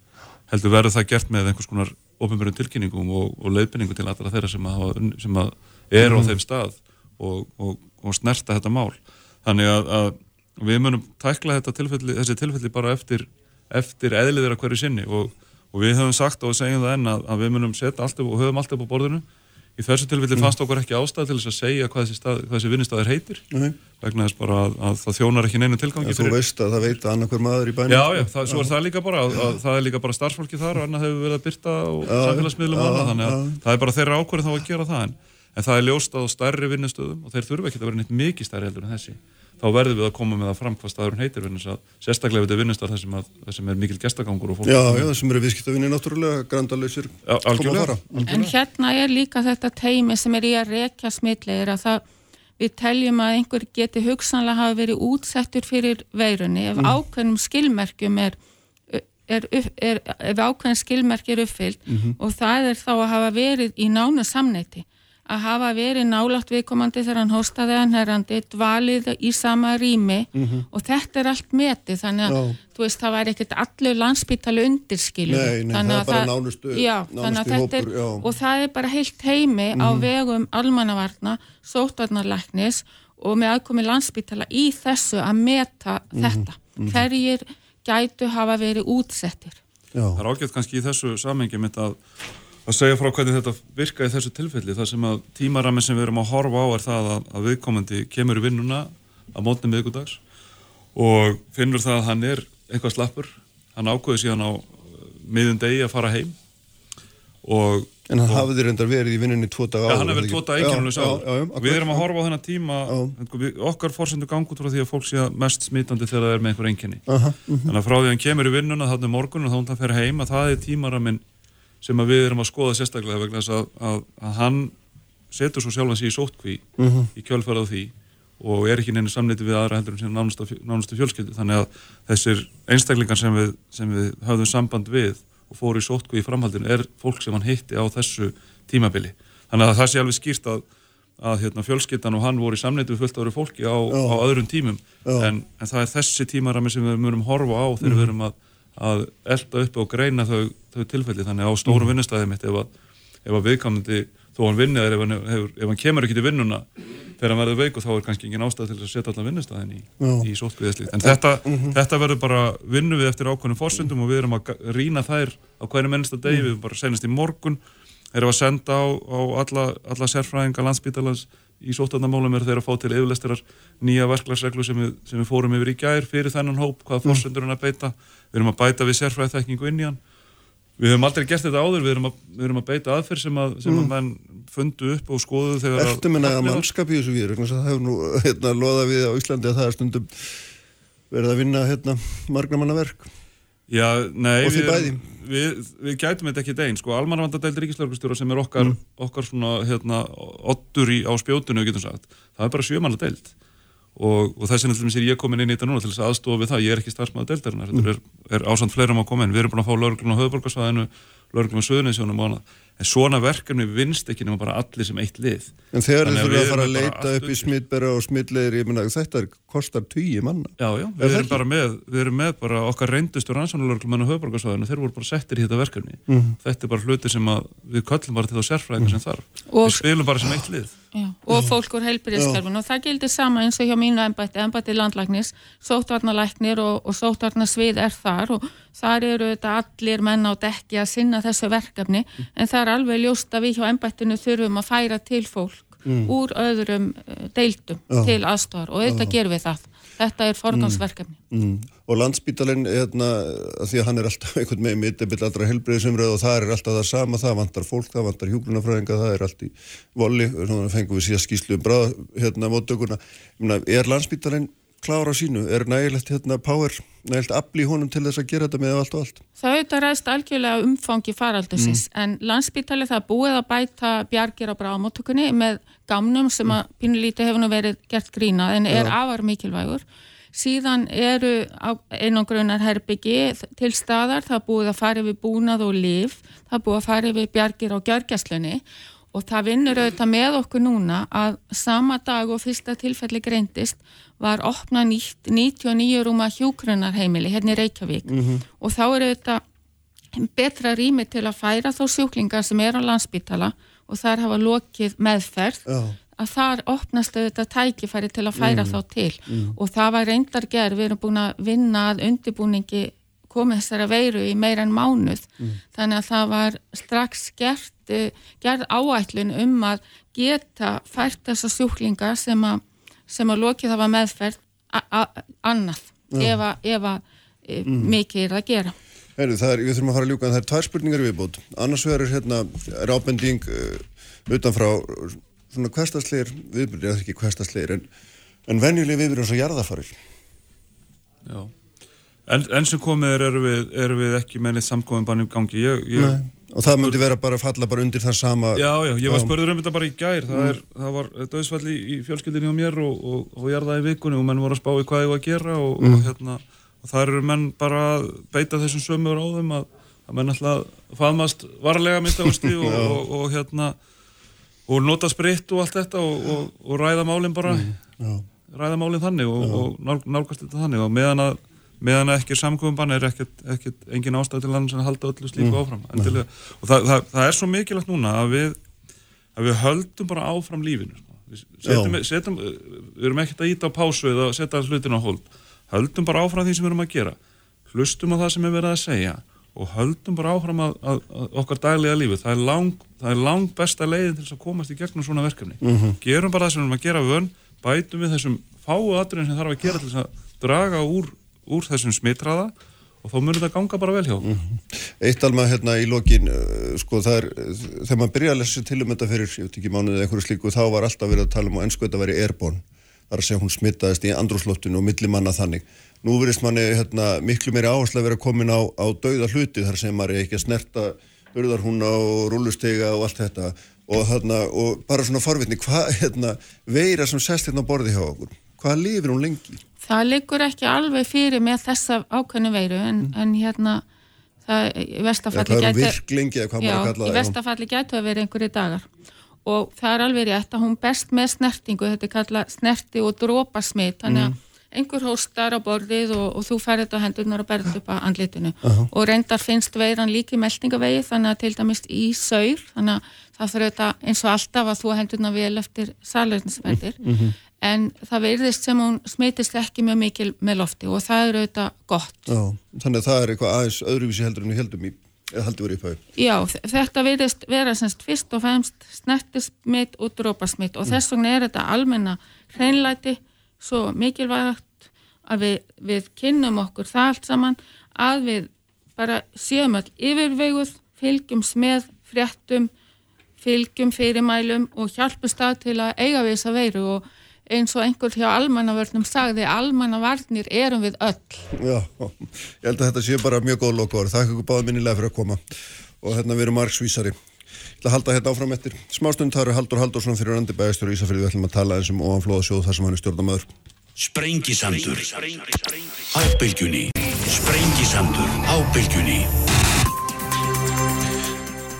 Sælir hlustendur, uh, þau eru farin frá mér Alma Möller, landlæknir og uh, Víði Reynisson sem er, er yfirlörglu þjótt hjá Ríkislörglustjóra og er núna hérna við erum búin að færa sig að þessum setjast dagana í almannavarnadeildinu og er að, er að lifta þar undir með mönnum. Það er hérna augljóst að það er eitt og annað að gera og hérna þarf að fylgjast vel með. En Haldur Haldursson fyrir hann í bæðistur í Ísafyrði og stjórnamaður í ofanflóðasjóði er sestur hérna hjá mér, sætla blessaður Haldur og velkomin Takk fyrir Þannig að sko þú varst hérna fyrir mjög stuttu síðan, þá vorum við að tala um snjóflóðin fyrir vestan núna síðast og hérna og ofanflóðasjóð þar sem þú hefur stjórnamaður og þarna þekkir hverja þú er sem að segja.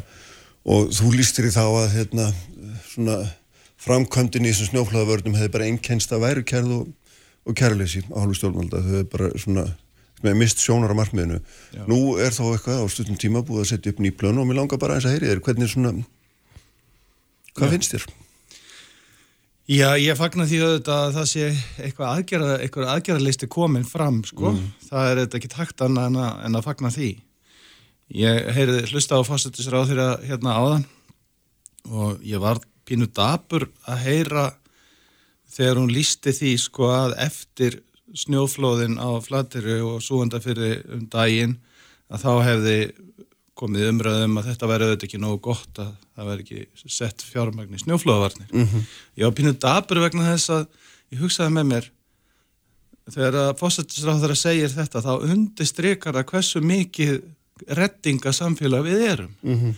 Vegna þess að það vantaði nú ekkit upp á að korki ég sem stjórnumar í ofanflóðasjóði eða einstök sveitafjölu væri búin að vera að hamra hjárni á undarförnum árum mm -hmm. og benda á hversu alvarlegt þetta væri. Það væri alltaf verið að taka markaða peninga af því að þetta eru vissulega markaði já, peningar já, já. hvað svo sem að þessu nýju lögum líður um, um ekki markaði tekistofna og svo þeir búið að vera að hamast á þessu sko.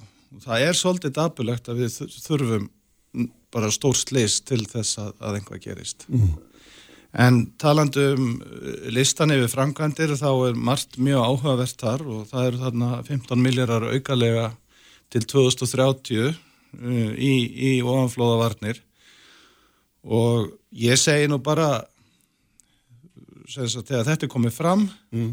þá auðvitað það mikilvægast er eftir show me the money Já og, og þarna já einmitt og hvað svona þú veist að fenginu reynslu þá eitthvað meginn svona gruna mig að þú, þú hérna þú tellir ekki öðruna fyrir að þú skoðum að það er vassanir sem að segja. Já, alveg, alveg á hreinu mm. og það er mjög mikilvægt eins og til dæmis í snjóflóðavörnum núna svo ég takki það sérstaklega, það eru nokkra blasir í þessari 75 blasina skýslu að það er mjög mikilvægt að, að, að það standi sem það er sett fram í tímaröðu vegna þess að til þess að, að óanflóðsjóður getur sett verkefnina stað. Mm -hmm. Það má ekkert bregðast í því Nei.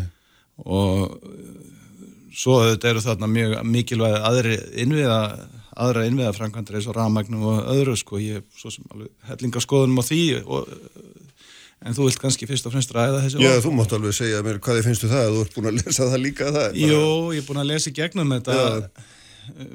og auð, auðvitað bara þetta eru tillögur og það er það er sem sagt frestur fyrir, til þess að koma inn með að nú er þetta í samráðskvöldinni nú er frestu til að koma inn með aðtöðasemdir og, og svoleiðis og ég segi fyrir mitt leiti að, að í þessari skýslu til dæmis talað um að, að heimili og fyrirtæki og það sérstaklega á Norðurlandi hafi orðið fyrir miklum búsíðum vegna ramasleisis það er alveg hár rétt og það hefur orðið vest úti Ég hins vegar stýri fyrirtæki sem að notar á, á vestfjörðum 3,5 megawatt að jafnægi mm, mm. og allir við séum ekki stæsti ráorkunótandin á vestfjörðum. Við erum síðan að í óverðinu 10. desember búin að vera meira og minna ramaslaus. Uh, og ég veit ekki alveg hvort að það er nóg vel tekið á því í þessari skýslu að það eru víða fyrirtæki Segðu okkur aðeins betur, hvað heitir fyrirtækið? Íslenska kalkþörungafélagi á já. og uh, sko, það, það eru fleiri fyrirtæki, það er til dæmis Rækjuvesmi og Ísafjörðu og ég veit svona fyrirtæki sem að nota mikið ramagn mm. sem að þrátt verið það að varaafli til dæmis á vesturum hafi bara lukkast vel uh, keirðar uh, dísilvélar í Bólungavík fyrir norðanverða vestferi og svo hangir mjölk á inni og, og svona minni, minni hérna vassaflsvirkjun, bændavirkjun en það dugir ekkert fyrir okkur þá eru heimilin og kannski smæri fyrirtæki með ramagn mm. en við alveg síðan 10. desember höfum ekki haft ramagn nema, nema bara já, Eftir svona segir mér 50, frá- eftir segir mér 50, hún í 60 tvo- pluss á tímanum Veitu, allan desember, allan janúar og allan februar hafið þið ekki haft nægilega orku til þess að ekki versmiðina yfir höfuð eða? Já, semst að hún bara dettur út uh, semst í loki janúar þá höfum við bara verið með ramagn svona í kringum 50% af tímunum frá 10. desember við erum búin að vera með ramagn alveg alla þessa viku og ég held að mestuleiti síðustu viku en það hefur eitt og annað gefið sig. Þegar hrútatunga fór út oftar en einu sinni, oftar en tvissar þurfti að, að smúla hana, þarna í hrútafyrinnan þá kom ramagn ekki inn á vestfyrði um, mjölkarlína eða línan að mjölká hefur farið út. Það, og alltaf þegar vestri farið yfir á varafl þá dettum við út og ég sá það. Það er bara ekki nóg orka á varaflun Það til þess að keira eitthvað. Nei. Nei. og ég sá að þessi rækjuvesma á Ísæri til dæmis að þar eru vangaveltur um að fara aftur tilbaka, alveg aftur til 2014 þegar var ákveð að fara allt yfir á, á ramagn mm. og ekki vera með gufuketil sem að væri olíukindur nú er verið að pæli að fara aftur yfir olíu þannig að þráttur er gott varafl á vesturum fyrir Mm. minni fyrirtæki og, og heimili þá er bara ekki nægt ramagn á vestfjörðum Nei. og þessi eina lína þar sem að vestfjörður háðir ramagni annar stað frá hún er bara alls ekki nóg þess vegna þetta hefur verið svona mikil áhersla að þurfa að virkja á vestfjörðum maður endalust rífast um hvað er að virkja Já, já. en vissulega þarf meira þar meira ramagnin og svæðið Já. augljóslega. já, já. Já. Og finnst þér að því þú ert að nefna þetta, varstu búin að, skoða það hvort að það væri eitthvað þessum tillögum sem að sem með einhverjum hætti hérna, auðveldaði eitthvað lífið. Já, mér finnst allan að þetta er einhver ábending sem ég mun koma framfæri Já. en það er talað um eblingu á sunnanverðum vesturum og líka norðanverðum vesturum í þessum tillögum Mm. en uh, hins vegar það eina sem að getur hjálpa okkur að einhverju viti er að þetta vestfyrir séu sjálfbærir með ramagn. Já, ummitt. Og þá erum við náttúrulega konur að kvalarvirkjum vantarlega og tengingu þar og við skulum ekki hérna. Já, nei, ég, eins og ég sagði, það er allavega. hægt að rífast um hvar það Já, eigi að vera, já, sko, það já. er eflust fleiri en ein, hugmynd til fyrir það, sko. Mm En hvað finnst þér um, sko, hérna, því ég var að reyna að spyrja fórstæðsraðurinn um, sko, hérna, að því nú, svona, ég veit ekki hvort það er ósangjart að segja að þarna fjallið hafi tekið jóðsótt og fæðst lítil mús en er taldir upp, taldir upp 900 miljardar sem eru peningar sem áttu, var búið að erðnamerkja fyrir löngu þannig sé er í langtíma áallunum og síðan er talað um 27 miljardar sem eru í einhverjum flýti en það er ekkert, ég finn allavega ekkert, ég kannski er þetta bara misklingur um mér, en ég finn ekkert, finn engar nýja peninga í Hvernig leist þú þetta? Nei, ég átta mig ekki á því, sko, og ef það eru nýja peninga þá hljóta þeir að koma inn í fjármála áallun og, og sem viðbóta í, á fjárlögunum. Mm.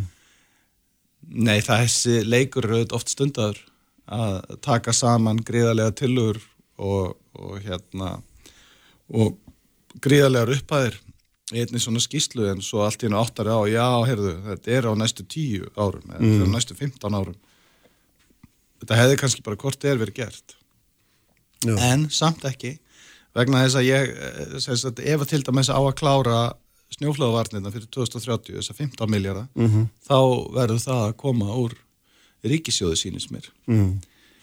allavega núna í byrjun vegna þess að það þarf, að, það þarf meira heldur en þess að 2,7 miljardar sem að heimilin er að borga árlega inn í ofanflóðvarnir til þess að geta startað þessu. Já, en svo eftir það, ef við erum að tala um til 2030, ef þetta er 2,7 miljardar ári sinni 10, mm þá er það meira en 15 miljardar já, já, já þannig að, þannig að það gæti litið þannig út að, að við verum að tala um að, að komi 27 miljardar til 2030 Mhm. frá heimilónum í landinu Aha.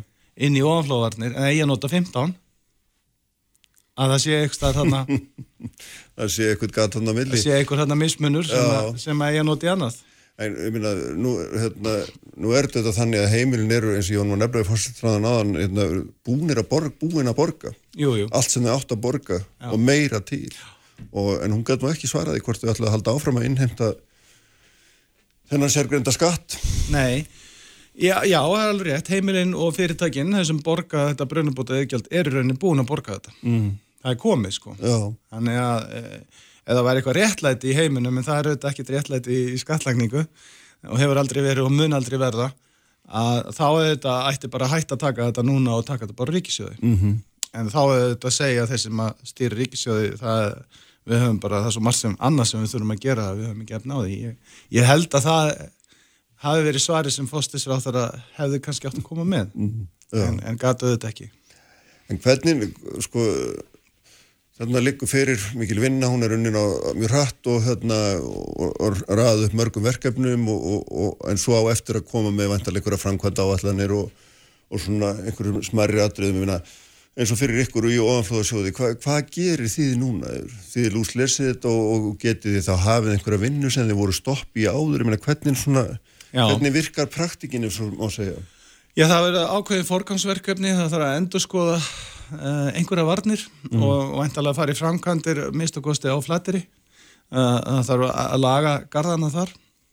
Uh, það er eitt. Svo að öðru leiti þá auðvitað voru verkefnin svona uppröðin það sem gerist núna er það þegar það er ljósta það, já það er allavega lofur þegar maður mm. komið peningar, að þá er hægt að fara að setja það í útbóðsferli sem er þessi, þessi stóru verkefni sem við höfum undanfjöldum árum mm -hmm. ekki geta sett í útbúrsverðli, við höfum ekki geta byrjað á nýjum verkefnum Nei. vegna þess að miljardur ári hefur bara rétt döga til þess að slefast í gegnum eldri verkefni og svona klára þau smátt og smátt mm -hmm.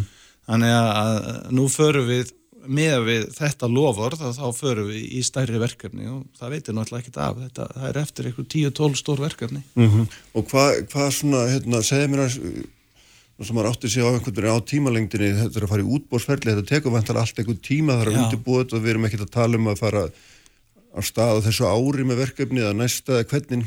Það væri eh, náttúrulega sko, vandamáli okkar er það að þegar það er ekki staðfest fjárlög, það er ekki staðfest sem, sagt, sem lög að þennan pening megin nota þá, mm. þetta, þá, þá getum við ekkert gert En ef við gefum okkur það að það, það, það komi Já, þá ættum við að geta bóðið út ég þór ekki að segja alveg sko en, en eh, hvað var þar sko undibúning undir útbúin þá ætti að okkar hálfu alltaf geta verið tilbúið næstu 2-3 mánuðum oh. svo er bara spurningin hvort að við höfum þá sem ég get ekki svara hér hvort að við höfum þá heimild ríkistjórnar til þess að bjóða út eða ekki Nei. af því að ennþá er þetta bara tilögur á bladi frá, frá nefndum Já, já, frá, það þarf náttúrulega að breyta lögum í mörgum tilvíkum þetta þarf að fara í gegnum þetta samráð allt saman og þannig að þetta tekur allt eitthvað tíma náttúrulega en er ekki, vantlega hefur eitthvað samráð verið haft við ykkur um Já, já, það var sem betur fyrir, ég gaggrindi nú já, ég held nú reyndar þessi nefnd ætti að vera allt öðru vísi, ég held hún ætti bara að vera með ofanflóavarni þegar, mm. þegar ég gaggrindi hana kannski svolítið harkalega hefðum daginn mm. Eh, en sem betur fyrir að þá nærun yfir miklu fleira Já. og uh, það var fulltrúi ofanflóðsjós starfsmæður sem sagt ofanflóðsjós var í er í þessum hópi mm -hmm. sem mhm. laði fram þessa skýslu mm -hmm. sem var mjög gott Þannig að hérna, ykkar sjónamið hafa komist Já, já, hann var með, með Excel-skjalið það var alveg klart, hann tók það með sér það var tilbúið já, einmitt, já, já. og svo hefur því bara verið raðinn á næstu næstu, bara... hvað er við að tala með ekki 2030? 2030 2030, þannig að þetta er nú þetta er tíu ár í staðin fyrir 30 var það ekki, var það Já. sem fyrir samanlegt til 2050 Já. en hefðum átt að klára 2010 Já. það var óraunæft kannski en við hefðum alveg gett að klára 2020 mest allt myndi ég að segja ef það hefði bara verið alveg peningur í þetta allan tíma Já, hann var náttúrulega til. Hann var til, en það var í hrun. Jú, jú, það var í svo kallað hrun eins og sagtir hérna, já, þannig að þú er nú svona bara þú ert hérna svona þokkala bjálsísinir mér á að þetta geti allt saman gengið eftir og hérna við getum svolítið tekið til hendin í Já, en ég, ég er ekkit vissum að þetta sé endilega mikið að nýjum peningum samt sem aður en eins og gott að hafa þetta allt á einu stað og, og, og það sé viljið til þess að íta við þessu, það sé viljið til þess að breyta kerfinu þannig að að leifisveitingakerfi til dæmis varandi, sem er sérstaklega í þessari skýslu varandi raflagnir mm -hmm. vantilega bæði í jörð og, og í lofti að það veri tekið á því við erum auðvitað, fyrir nokkrum árum var auðvitað ákveðið svona landskipulag stefna í skipulagslögum og henni hefur auðvitað ekki verið beitt mikið ennþá en maður sér fyrir sér að hún ætti að geta náði yfir svona hluti. Það er, það er landskipulag stefna sem er þá í rauninni einhvers konar þingsálutina til að frá, frá ungursráþara mm. ég veit ekki hvort að þessu umhverfisáður hefur einhvern áhuga á því að leggja frans líka stefnu um að samrama raflagnir í landinu. Já, hann lítur að vera allavega að skrifa undir þetta plagg hvað Já, sem já. öðru líður. Já, já. það þarf allan að taka á þessu og það hefði líka, og það þarf þó það sé ekki þarna það þarf að taka á leifisveitingaferli bara í heildsinni á Íslandi. Líka gagvart fyrirtækjum þegar það verið að fara í einhver ný verkefni. Ég geti alveg eitt heilum útastætti hjá þér í leifisveitingaferli og hvað svo hikalega seinlegt þetta er á Íslandi. Og, og hvað, það, hvað við erum í rauninni að tapa miklum fjármunum vegna þess að við vinnum of hægt í þessu og þetta er of flókið. Og það er alveg ótrúlega stundum að við séum bara 350-60 þúsund. Ég held þarna heldur að við verðum að taka þetta þennan hlutamáls síðar. En takk fyrir að koma og segja þetta álit á þessum tillögum og hérna við verðum að láta Sprengisandunum loki í dag, ég var Jóhann Haldarsson stýrið þetta útsendinguna að venju og allt efnin á bylgjan.is og vísi.is og sjálfur verði ég með ykkur hérna aftur eftir viku, verið sæl